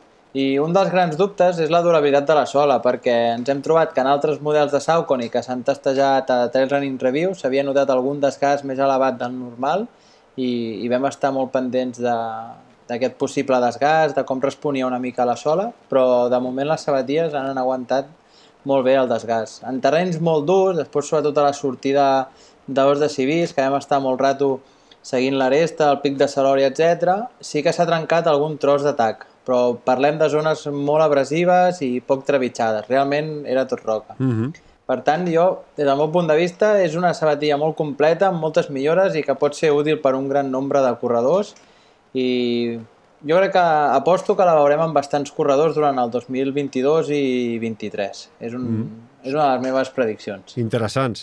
I bueno, Xavi, tu també m'estaves parlant de les sabatilles que estaves provant aquest estiu per, per la zona de la Pobla de Lillet. Quines, quines eren? Doncs mira, eh, aquest estiu he gaudit i, i, i molt, eh, amb la Salomon Pulsar Trail, eh, que si la Salomon sense glide, que ja n'hem parlat aquí al Fem Muntanya, les, eh, per mi eren les, les meves favorites, ostres, reconec que eh, amb aquestes Pulsar Trail s'han superat i, i, les, i les han millorat, eh? Ostres, pues, em sorprens. Què, què en destacaries? Home, mira, per començar la lleugeresa, perquè quan les, les, les vaig agafar per primer cop ja ho vaig notar, eh? I quan la, me les vaig posar per primer cop vaig dir, buah, saps aquella sensació que de portar poca cosa al peu, de, o sigui, de portar poc pes i a més a més ben acolxadet, eh, el peu molt ben posat a dins, eh, vas molt còmode, el peu entra i surt molt fàcil, saps que a vegades hi ha sabatilles que per més que les obris l'obertura és més justa i el costa més de ficar o treure el peu. Doncs el peu entra, llisca molt bé cap a dins, és molt fàcil i quan les tenses amb el sistema del, que té Salomon patentat, el Quick Lace, doncs el peu queda perfectament agafat a, a dins. La veritat, és una de les coses que abans de sortir a córrer ja notes que, que tu passaràs bé amb aquestes Pulsar Trail. I m'han comentat que tenen com una mena de placa, no? Perquè, bueno, suposo que l'hauràs pogut provar bé, perquè corrent per allà al Catlllaràs i no, mm. suposo que Puig Llançada, etc. trobes un, algun tram bastant rocós. Com, com t'ha funcionat per allà? Bueno, Salomon la, no, no és una placa de, de, de carboni, que està molt de moda. Salomon l'anomena Energy Blade. És una mena de placa que està només per la part davantera i la veritat és que les petites pedres, eh, les irregularitats del, del camí, eh, doncs lo, lo típic que, no, que se't va clavant a, a, als peus. Jo pateixo molt de, de les plantes eh, i, i amb aquestes doncs he anat eh, tranquil·let perquè no, no, no acabes de, de notar com vas clavant la, les pedres o, la, o arrels, aquelles deformitats de, de, del camí. I sí que el que he notat és que les he provat amb dies de, de sèries, rodatges ràpids, i, i m'he pogut posar 350, 340 per fer sèries, i reaccionen molt bé. Eh, he, he flipat perquè és una sabatilla concebuda en principi per eh, curses llargues, entrenaments llargs, per sobre de la marató, i pots posar 340 perfectament sense cap mena de problema. Notes com tot el que és el, el sistema, no? la, la, la transició de trepitjada és molt ràpida i és molt efectiva. No, molt interessant. Aquestes plaques a vegades ja, quan les marques no l'encerten, pot ser que molestin a l'hora de, de trepitjar perquè és massa dur, però pel que comenta sembla que dona, sí, sí. que dona molt la bon veritat, rendiment. La veritat és que estic content, eh? Amb, amb, no, no es nota res, la, la placa, i sí que notes que és la, la, la transició de la trepitjada és, és, és super ràpida, és molt efectiva. Perfecte. I la, la sola què tal? Té bona tracció i, i ha aguantat bé el terreny sec d'aquest estiu? La veritat és que era eh, supercòmode en tot tipus de, de terrenys, menys en el fang també. Eh, per exemple, eh, ara que ara, a l'octubre ve el bisaure, doncs no estan pensades per fer un bisaure ple de fang. Eh, no, no, estan, eh, no és el terreny, no estan, per exemple, per, per fer una cegama plenes de fang? Doncs vale. crec que no. Ara, això sí, eh, aptes per cur... tot tipus de corriols, més tècnics, menys tècnics, eh, roques, eh, inclús les he provat amb roques més mullades, també s'agafen molt millor que la, la, la majoria d'altres sabaties que he pogut eh, provar. Eh, jo les provaria inclús per fer una Ultra Pirineu, per fer 80-100 quilòmetres, sense cap mena de problema per la majoria de corredors. Mm, eh, són aptes per corredors, eh, entre 65 i 80 quilos, perfectament que seria la majoria dels que correm, doncs sense cap mena de, de problema.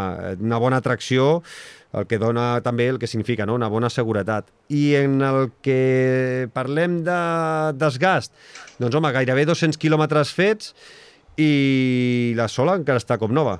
Cap mena de desgast eh, per cap part i jo crec que duraran bastant més que les Ultraglide. Eh? Les Ultraglide jo crec que se'n van cap als 900 quilòmetres, en els quals ja veus que la 800-900 la sola ja es veu desgastadeta i jo crec que aquestes duraran més. Ja es nota que, la, que, que aquesta sola contra grip és de diferent compost i, i és més dura, aguantarà més. Perfecte, perfecte. Interessant lo de la durabilitat de la sola, caldrà, caldrà provar-les i res, allà en Cinsor les puc posar en prova en alguna cursa de, de 80 o 100 quilòmetres pròximament. Primer caldrà entrenar, eh? eh... per cert, Pol, no sé, no podem acabar, eh? Sense fer una referència a la nova marca de Kilian Jornet, que ja vam parlar també uh, així per sobre, eh? amb el Joan Solà en el programa 71. Has pogut veure el primer model de Normal? No sé si, si tens alguna opinió formada. Doncs aquest any no vaig estar a UTMB i no he pogut tenir el primer model a les mans. Evidentment sí que he llegit articles i amb els companys de l'equip de Trail Running Review que van ser-hi els he cosit a preguntes perquè realment tots tenim molt, molt interès. I personalment em sembla un projecte d'allò més interessant. Crec que ara mateix el que hem vist és molt apartat de comunicacions, s'han parlat doncs, de les intencions com la durabilitat de les sabatilles o el fet de llançar dos models que siguin útils per totes les carreres o entrenaments.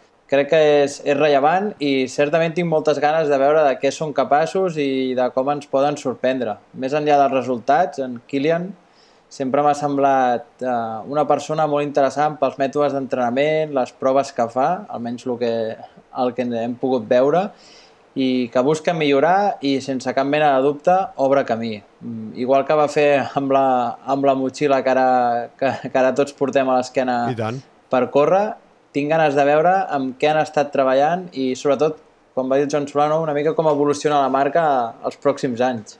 Al final cal fer una equació, crec, eh, des del meu punt de vista, molt, molt fàcil. Eh? O sigui, quan costa cada quilòmetre que fas amb una sabatilla? És a dir, si tenim un calçat per molts quilòmetres i a més a més són còmodes i ens serveixen per la majoria de terrenys, doncs llavors tindrem una gran sabatilla que tindrà sentit el seu preu. No sé si van dir, per exemple, em sembla que eren 180 euros, clar, és, va a la gamma, eh, l'app de, de Salomon, per exemple. Mm, la majoria de sabatilles d'alta gamma de, de la marca francesa no poden aguantar 1.000 quilòmetres. Si tu aconsegueixes una sabatilla de, per 180 euros que facin 1.200, 1.300, 1.400 quilòmetres i que les pots posar, portar eh, per entrenaments curts, però també per fer una ultra, per la majoria de terrenys, doncs jo crec que no calen tantes sabatilles eh, per córrer, no, no té molt de sentit. Correcte, jo quan vaig començar a córrer deu fer uns 12 o 13 anys, vaig utilitzar el primer model de les Sportiva Wildcat. I ja quan portava un temps eh, més en, entrenant, sí que tenia la Salomon Wings 2 per entrenaments tècnics i més ràpids, i després per sumar quilòmetres que em donaven molta durabilitat les, les primeres Raptor, que són les que utilitzava. Per tant, crec que és una idea potent, que veurem com arrela i si fa que altres marques segueixin el patró, no? una mica com, com pot fer aquest canvi. Personalment, en general, crec que totes les marques van fent moviments cap a una indústria més sostenible. No? Nosaltres, ho, a Trail Running Review, és una que parlem cada any quan ens trobem, no? que cada vegada quan ens arriba doncs ja sigui una sabatilla nova, una bamba, una motxilla, veiem més materials reciclats, veiem reaprofitament, crec que encara ens queda un llarg camí per recórrer. Per exemple, sembla que era l'estiu passat, se'n va un dels pals per tram se'n va trencar la, la part de baix i, i la marca no ha estat capaç de donar-me o, o de poder comprar només la peça final. Em vaig haver de comprar uns altres pals. Crec que són uns pals que, la major, que segueixen funcionant bé, només tenen una part trencada, que si es pogués canviar seria, seria interessant i no, no caldria comprar uns altres pals. Mm. Queda un llarg camí, però l'equip de Norma crec que pot ser un bon revulsiu en aquest aspecte i ajudar la indústria a avançar més ràpid. Mm -hmm.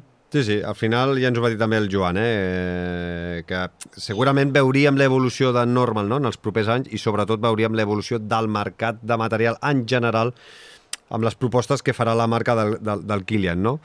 eh, el, el, que dius, el que hem parlat no, de les motxilles, o sigui, Kilian va inventar aquestes motxilles en forma d'armilla, la majoria de marques han seguit aquest patró, eh, veurem què és el que, eh, que introdueixen al mercat Kilian i a veure d'aquestes eh, introduccions què funciona, què no funciona i quines readapten la, la resta de marques, no? Eh, serà interessant, serà interessant i, i veurem el futur de, del material i intentarem explicar el que puguem aquí al, al Fem Muntanya, no?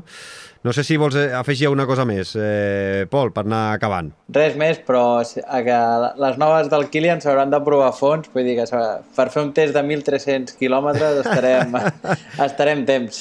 Bueno, si surten ara, no? ara a la tardor, a l'octubre, doncs eh, si tens la sort de, de poder-les tenir, de poder-les provar, si has de fer 1.300 quilòmetres, eh, a una mitjana de 15-20 quilòmetres per dia, ves sumant. Eh, esperem a veure si abans de Nadal eh, els hi pots treure bastant suc i podem explicar-ho aquí. Home, és interessant de com van i després també de, de si és veritat, no?, de que les, les, les sabatilles doncs, duren el que duren i, i per la majoria de corredors que a fin, al final som tots els que fem, doncs, el fem muntanya, no? Tu i jo no ens dediquem a, a córrer professionalment i ho fem per hobby i, i, i llavors, bueno, eh, ens interessa eh, gastar el mínim diners possibles i que, sigui, que estiguin ben, ben invertits. Eh, Pol, doncs estarem, estarem atents, anirem provant i anirem xerrant aquí al, al, al podcast. Eh, moltíssimes gràcies un dia més per la teva col·laboració. Continua gaudint de la muntanya a l'hora que vas provant material i ens ho expliques aquí al Fem Muntanya. Una forta abraçada, cuida't! Una abraçada, fins la pròxima! Busca'ns i segueix-nos a Twitter, Instagram i a Telegram.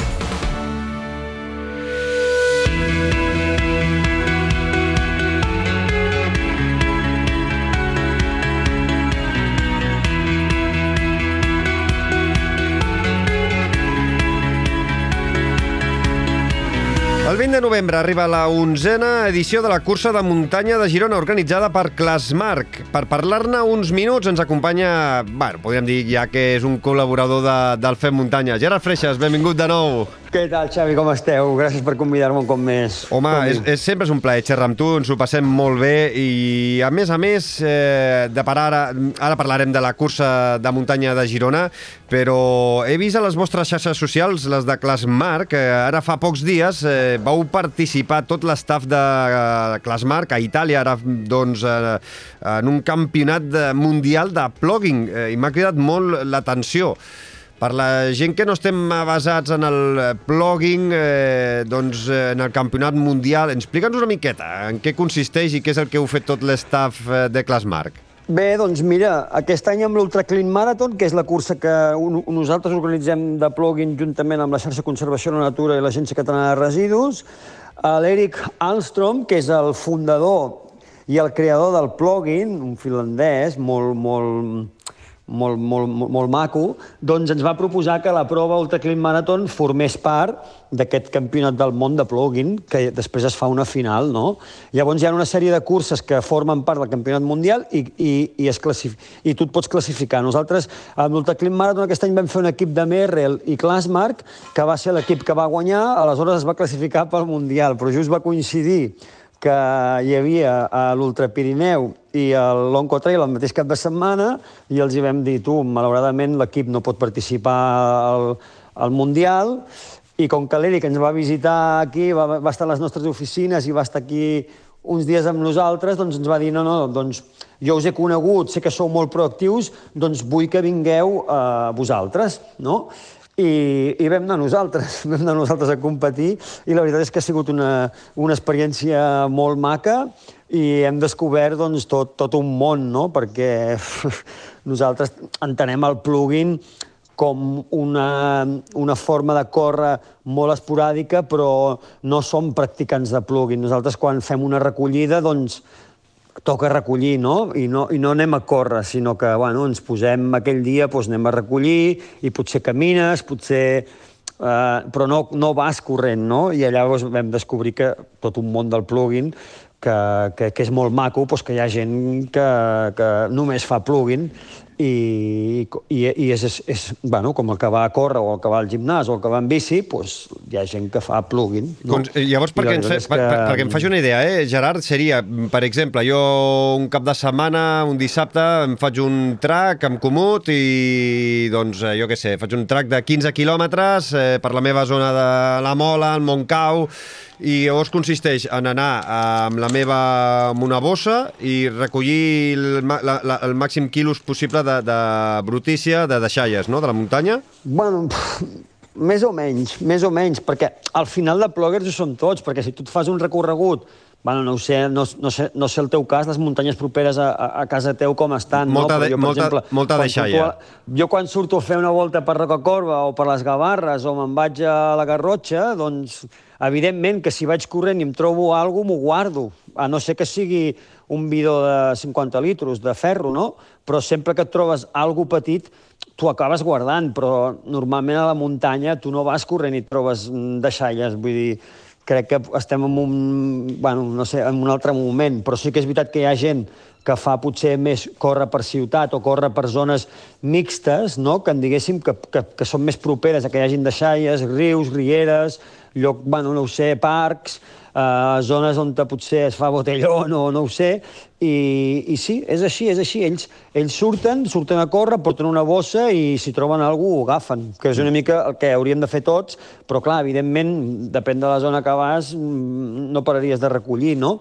Però sí, sí, és curiós, perquè el més sorprenent, el que, el, el que va guanyar el, el, el Mundial, el diumenge al matí, per estirar cames, va sortir de l'hotel a fer 10 quilometrets i va sortir amb la seva bossa i va tornar amb les seves quatre llaunes. Vull dir que, bueno, és, és, és, és un món i, i, i crec que és un món molt, que s'ha de respectar molt perquè és gent que ho viu amb molta passió i molta ànima i la veritat és que nosaltres hem sigut, no sé, com molt privilegiats de poder-nos relacionar amb aquest tipus de gent i, i l'experiència ens, ha, ens ha agradat moltíssim, molt, molt, molt. Està aquí, molt aquí una miqueta el que crida l'atenció és que eh, hi hagi gent que faci plugin, és a dir, que hi hagi deixalles eh, on no n'hi haurien d'haver. Sí, la veritat és que Lamentablement, sí. eh? Lamentablement. No, sí, també, també hem de ser realistes i aquí la gent, doncs, hi ha molta mentalitat de dir, bueno, si passo per dins un parc de la meva ciutat i hi ha una llauna, ja la recolliran els escombriaires. Vull dir, aquí mm. som molt així, també, mm -hmm. saps? Vull dir, no hi ha el xip de dir, no sé, tu te'n vas a molts llocs i diuen jo, jo, jo ja pago impostos, jo no reciclo, saps? Vull dir, jo no, jo no cullo això, ja ho colliran qui ho ha de collir, saps? Mm. Vull dir, bueno, són, bueno, són mentalitats nosaltres veiem que això ve d'un dels millors països del món, dels països subdesenvolupats, que tenim moltes coses per aprendre i, i, que és Finlàndia, i, en, i, i ens ho hem agafat molt, molt, molt seriosament en aquest sentit, perquè, mm. Perquè tot el que comença al nord acaba baixant segur i, i s'ha de considerar. Mm -hmm. sí, sí. Eh, Gerard, vosaltres, tot l'estaf de Clasmarc, eh, quants quilòmetres vau fer i quants quilos vau recollir en tot aquest campionat mundial de plugin que es va donar a terme a Piemonte? Bueno, el, format, el format era, era curiós, eh? perquè ells no, no, no és un recorregut marcat, val? sinó que és, és, un, és una vall, ells et, ells et posen dos checkpoints obligatoris, val? que un checkpoint estava a uns 7 quilòmetres aproximadament de la sortida, l'altre checkpoint estava a uns 10, vale? més amunt a la vall, i després te'n posaven quatre més d'opcionals, val? que ja, ja, ja pujaves dalt de les muntanyes, i tu eh, havies de passar aquests dos obligatoris segur, i, i els opcionals, doncs, si els feies, et sumava més la puntuació, però estàvem amb un 60%, o sigui, la puntuació era un 60% ambiental, en funció del que recollies, i un 40% l'esportiu. Val? Uh -huh. Llavors, eh, aquí tu havies de sortir per on tu, pel track que t'haguessis fet, perquè t'ho comuniquen al vespre abans en el briefing, et marquen un perímetre que tu no pots sortir, i, i el que fas és, vas a fer els checkpoints que tu et sembla, més els dos obligatoris, i, i mentrestant va recollint. Nosaltres, per exemple, vam decidir fer un checkpoint de muntanya perquè així fèiem desnivell, que ja vam fer una pujada de 1.000, vam baixar el checkpoint obligatori i vam anar a l'altre obligatori i ens van sortir 35 quilòmetres. Això sí, et, donen, et surts a les 9 del matí, s'acaba a les 4 de la tarda i durant aquestes hores doncs, mmm, tothom ha d'arribar a la mateixa hora, no pots arribar abans, perquè si arribes abans et penalitzen amb temps, i, i, bueno, i has d'anar recollint i fent quilòmetres, i com més reculls i més quilòmetres fas, doncs més et suma. I després també la suma del el sumatori del, del pes que tu portes a nivell de residu va molt en funció de si és cartró, llauna, um, plàstic, um, bueno, tot, sí, sí. bueno hi, ha, hi ha una sèrie d'això, i, i bueno, la puntuació està a la pàgina web, és una puntuació bastant complexa, però eh, la veritat és que està molt bé, és la segona edició d'aquest Mundial, és una vall que es volca amb aquest esdeveniment, que rep una subvenció, perquè al final érem 100 i tots els 100 estava tot subvencionat, vull dir que estàvem en un hotel allà tot pagat, vull dir, tot una vall volcada amb aquest esdeveniment i, i ha sigut mm, molt maco ve, com veure una vall que defensa un, un mundial que no està recolzada al final per cap organisme, perquè és el Mundial de Plugin, però el plugin no forma part ni de la ni de la ni de UTMB, ni de la ITRA, ni de la IAF, ni de res d'això, no? Vull dir, és un petit organisme que acaben de començar i que sí que van creixent a poc a poc, però, però és sorprenent com una vall decideix invertir aquests calés per fer per fer un esdeveniment d'aquestes característiques, no? que potser un altre podria pensar nosaltres aquí a sobre pagar, subvencionar aquest d'això perquè vinguin a recollir aquí, que ens emportarem la mala imatge de que han trobat residus. Vull dir, uh, no ho sé, ho vaig trobar molt excel·lent i per part d'Itàlia de, de felicitar-los eh, sincerament molt i molt bé. Sí, sí. Creus que, eh, per exemple, seria possible portar el, mundial, el campionat mundial de plugin aquí a Catalunya o no? Eh, vos, ja, ja que vosaltres teniu també experiència a l'hora d'organitzar l'Ultra Clean Marathon, potser, doncs, eh, no sé, com, si és possible o no de, de portar-ho aquí a alguna zona de, de Catalunya. Sí, sí, sí, sí que és possible. A més a més, és, és un... Sí, però el que passa que falta que les institucions eh, sí. vulguin eh, apoyar un projecte d'aquestes característiques, però bueno, estem organitzant l'Ultra Clean Marathon, que és l'única cursa de plugin que hi ha a dia d'avui a l'Estat, eh, que, que, amb l'Agència Catalana de Residus i, i vull dir que ja, ja és la Generalitat, vull dir que ja, ja hi ha una partida de pressupost i, i, i ja estan amb això, no? El que passa que, clar, a nivell de participació a nosaltres ens està costant molt, perquè nosaltres venim d'un país que tots són corredors de muntanya i, i és el que t'explicava a l'inici de l'entrevista, que quan tu surts a recollir, surts a recollir, quan surts, surts a córrer, surts a córrer, però combinar les dues coses costa, val? i a nosaltres mm, ens està costant molt trobar participació per, per córrer l'Ultraclim Marathon perquè la gent doncs, els hi costa recollir corrent. Uh mhm. -huh. saps? És a dir, fer una, fer una convocatòria per fer una recollida, la gent s'entrega bé i col·labora, però córrer recollint la gent li costa. Li Mhm. costa, li costa. En- Aquí Doncs- encara costa molt, costa molt. Doncs eh, a veure si entre vosaltres, eh, Petjada Verda eh, i altres institucions, doncs eh, seria possible fer cosetes d'aquestes que sempre són interessants aquí a, a Catalunya. Gerard, parlem ara va, de la cursa de muntanya de Girona del proper 20 de novembre. Teniu tres distàncies, l'Express, la Trail i la Transgavarres. Eh, hi ha novetats en els recorreguts respecte al 2021? Sí, la veritat és que els recorreguts trail els hem modificat, Trail i Express, val? perquè buah, ja ens encanten, eh? Mm, No sé, potser anàvem com... Les Gavarres ja ho coneixem, és un massís com Collserola, és un massís de baixa muntanya, val? I, i portàvem com molts anys com molt obsessionats amb, amb la part més core del trail running, que era buscar màxim desnivell en mínima distància i, i estàvem com castigant molt a la gent amb baixades molt tècniques, pujades molt tècniques, i hem dit, tu, mm, anem a fer una cursa de trail a Girona, que és una cursa de trail diferent, amb recorreguts de trail que es probablement ho vegi un tio muntanyero i digui, vaya merda de recorregut, saps? Però al final són corriols amb poc desnivell, són corriols amables que pots córrer, pots córrer a velocitats molt ràpides. Per exemple, la, la, fem una mija que té 800 positius, val? que una mija 800 positius la fas a l'alta muntanya i te'n surten 2.000, per dir mm, alguna cosa, no? sí, sí. Però hem dit, ja tenim curses dures de, de, de, amb desnivell, anem a fer que la cursa de Girona sigui una cursa que pot obrir les portes a gent a iniciar-se al trail, a tots aquests ciclistes triatletes eh, que tenim vis, visquent a Girona que puguin fer la seva cursa de muntanya que cada any venen i cada any diuen, hòstia, que tècnica, no? Pues, pues una mica hem suavitzat aquests recorreguts de trail i d'express, els hem fet més, més, més per tothom, val? perquè després al cap d'uns mesos ja fem Recacorba, que és una cursa molt exigent i és una cursa de I trail tant, pura i i, dura, tant. no?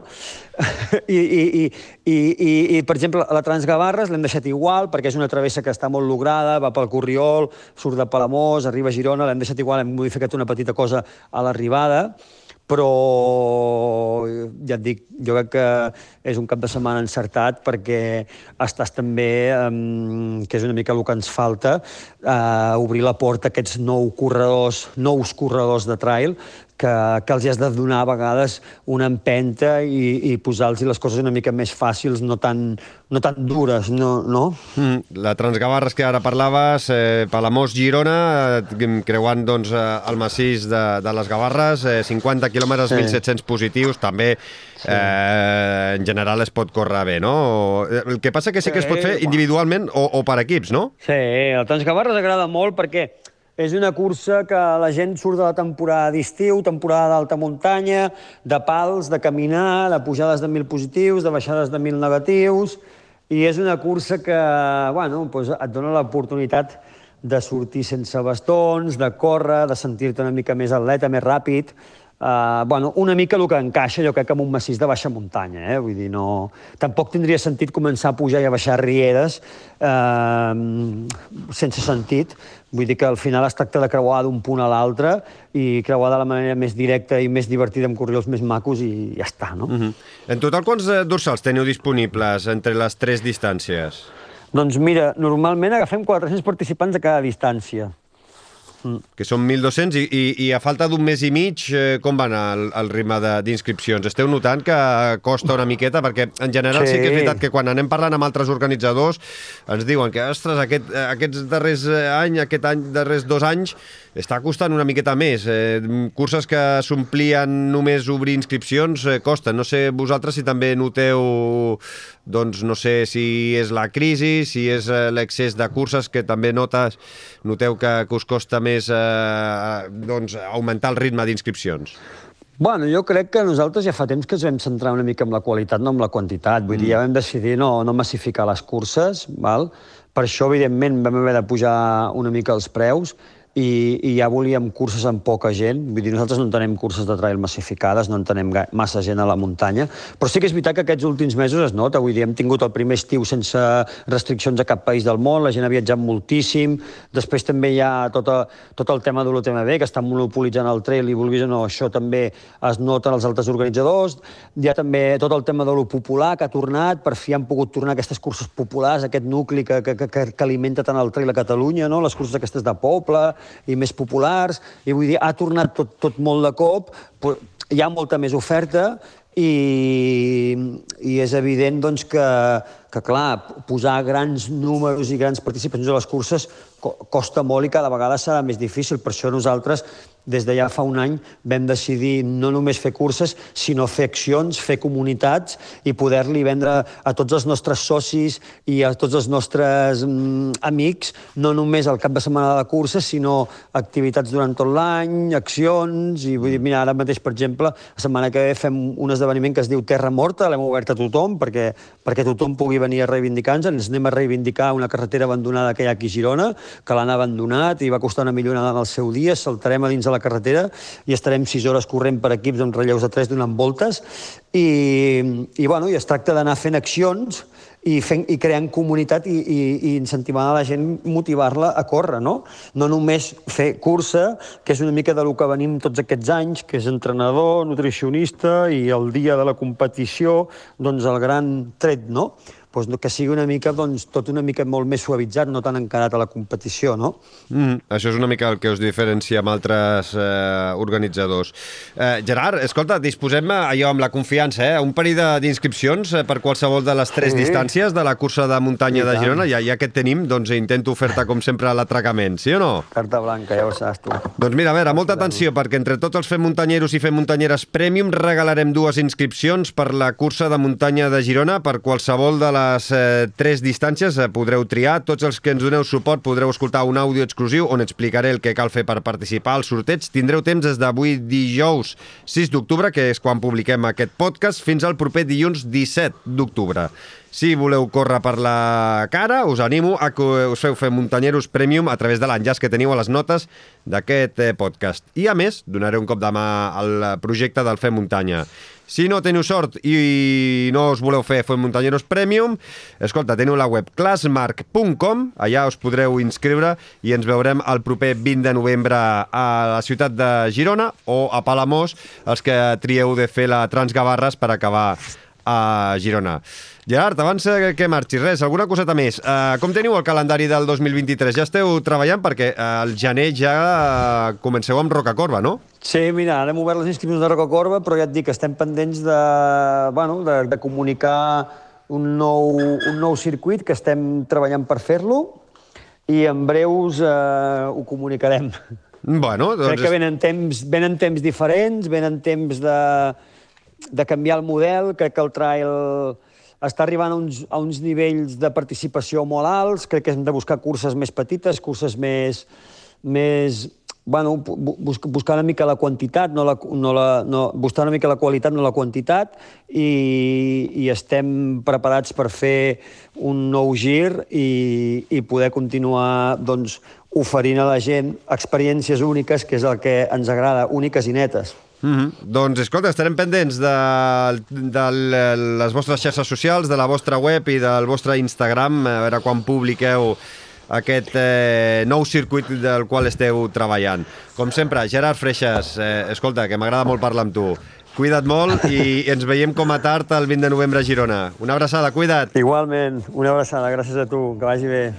Envia'ns les teves opinions a través de Twitter, Instagram o del correu electrònic femmuntanya arroba femmuntanya.cat.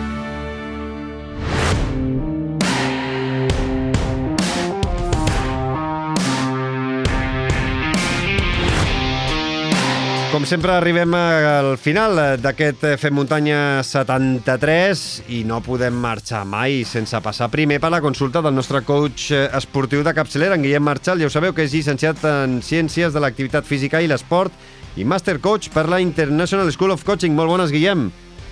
Molt bones, Xavi, família muntanyera. Tot bé? Tot molt bé.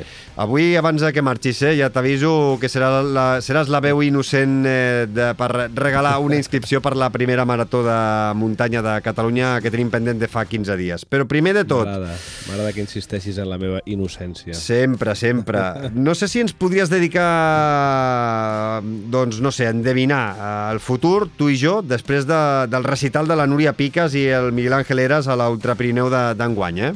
Ah. A veure, no del tot, eh? Per, perquè si hagués estat una aposta combinada d'aquestes, eh, el Miguel ens hauria fet llapar a tots els calés a, a tu i a mi, però, però bé, sí que, sí que ens podem enorgullir de, del retorn dels vells roquers, no? I, I no perquè no siguin grans esportistes, eh? però han estat victòries del tot inesperades i gairebé titulars de, de fa 11 anys, eh? Sí, exactament. Per això han estat victòries, perquè ningú se les, se les esperava. Han corregut sense res a perdre i sense estar al centre mediàtic. Bueno, potser la Núria una mica més pel seu retorn, però ningú comptava amb ells, malgrat ser, després del Kilian, el, el rei i la reina d'aquesta prova.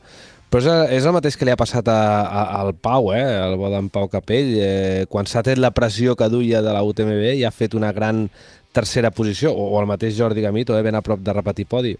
Per tant, es dona, es dona el silogisme que, que comentàvem fa dos programes. Si tens expectatives coherents i fas una cursa amb coherència amb les teves possibilitats reals, acabes obtenint un resultat coherent amb les teves expectatives. Sense cap mena de dubte, Guillem. I ens alegrem molt de que bons amics del programa recuperin eh, doncs, els somriures i avui que hem parlat amb el Salvador Vilalta, què és el que t'ha semblat i no sé si t'ha inspirat eh, doncs, per eh, mantenir la conversa que, que estem tenint ara mateix.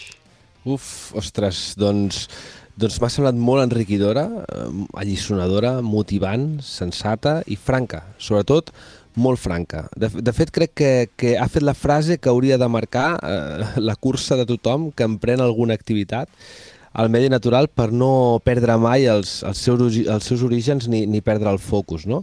Quan diu, per mi córrer és fer un viatge, no?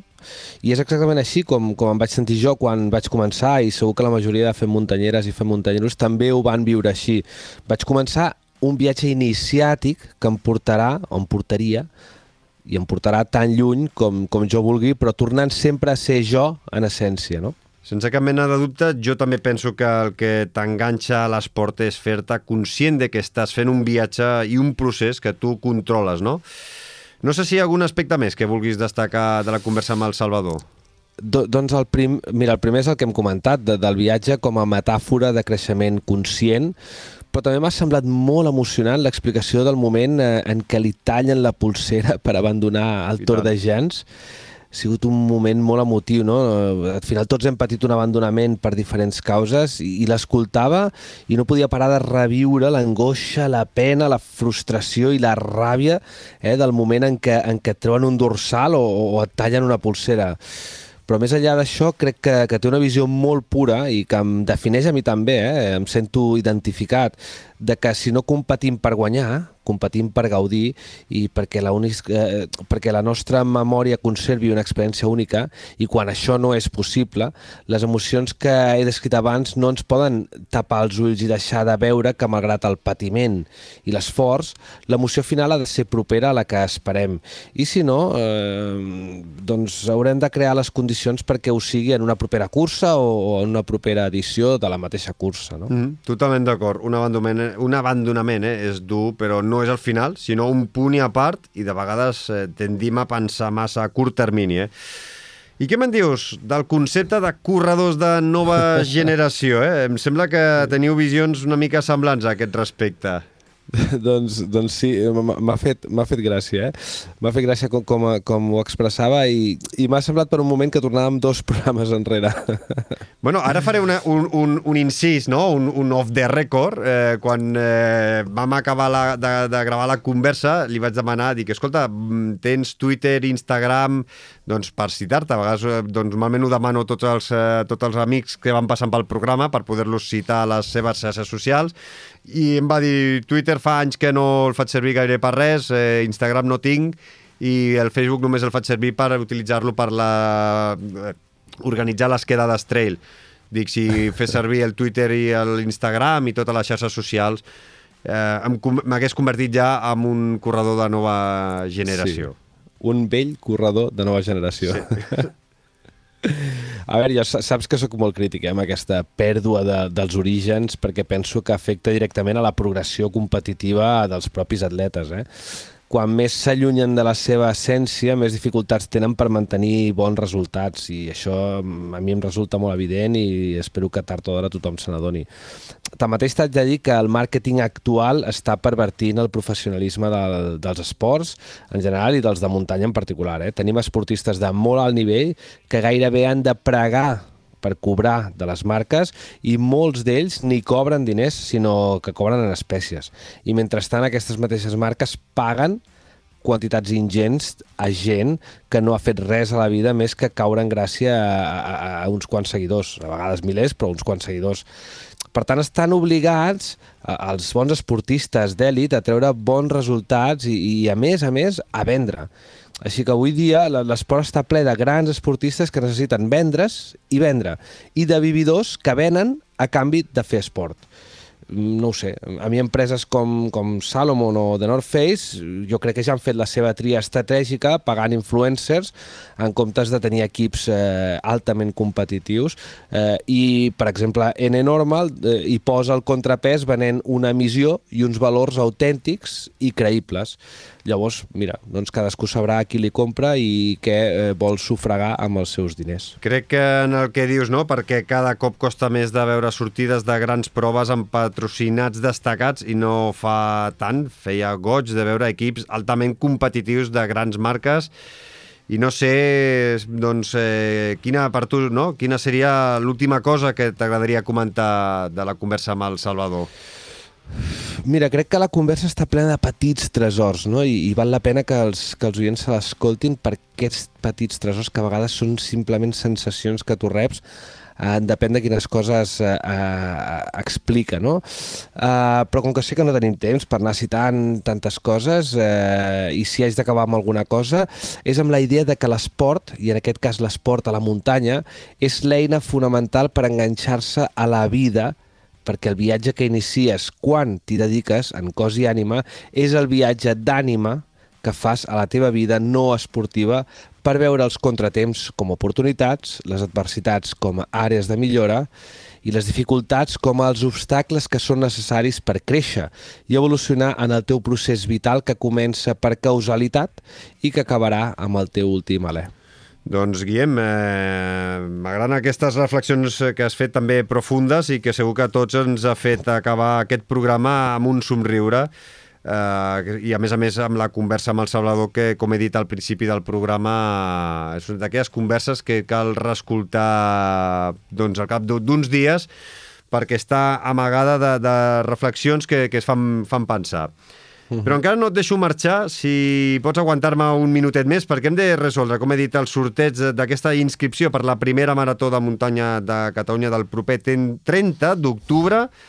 Hem rebut un total de 15 correus, així que m'hauràs de dir un número, el que vulguis, de l'1 al 15.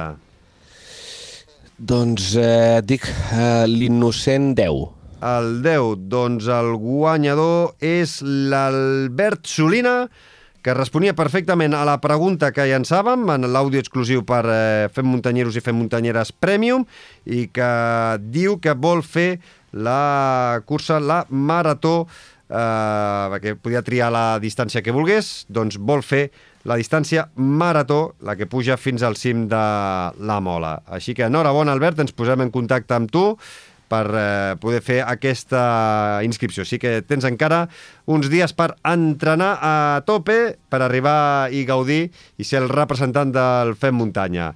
Guillem, un plaer, com sempre, ens escoltem d'aquí 15 dies. Cuida't, una abraçada. Una abraçada, salut i fins al proper programa.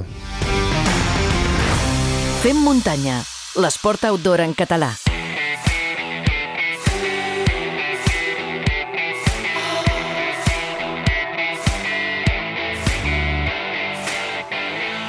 Arribem al final d'aquest Fem Muntanya 73. Espero que us hagi agradat i hagi sigut interessant. La veritat és que personalment he gaudit molt de la conversa amb el Salvador Vilalta. Són d'aquelles que calen reescoltar-les més d'una vegada, perquè estan plenes de reflexions, de matisos que cal eh, tornar a recuperar.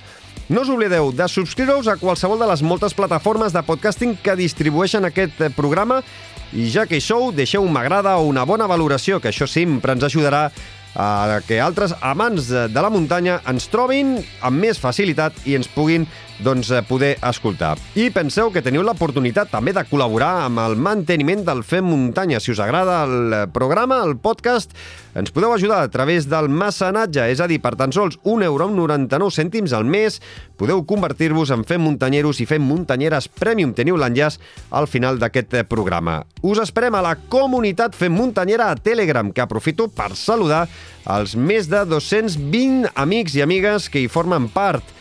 També ens eh, trobareu a Twitter i a Instagram com arroba femmuntanya. I acabaré, com sempre, agraint la gran feina de tot l'equip que avui ha fet possible aquest programa 73. En Guillem Marchal, el Marc Cornet, el Pol Puig, en Gerard Freixas i el Salvador Vilalta. De debò, moltes, moltíssimes gràcies a tots per ser-hi. Una salutació de qui jo ha parlat, Xavi Alujas. Com sempre, és un autèntic plaer. El Fem Muntanya torna d'aquí a dues setmanes amb més històries i sobretot molta més muntanya. I tots els dilluns us portem l'actualitat amb l'Albert Torrent directament des d'ultrascatalunya.com. Fins llavors, gaudiu i sigueu feliços, amb salut, seny i molta muntanya! Comut, l'aplicació per descobrir, planificar i compartir rutes t'ha ofert el Fem Muntanya.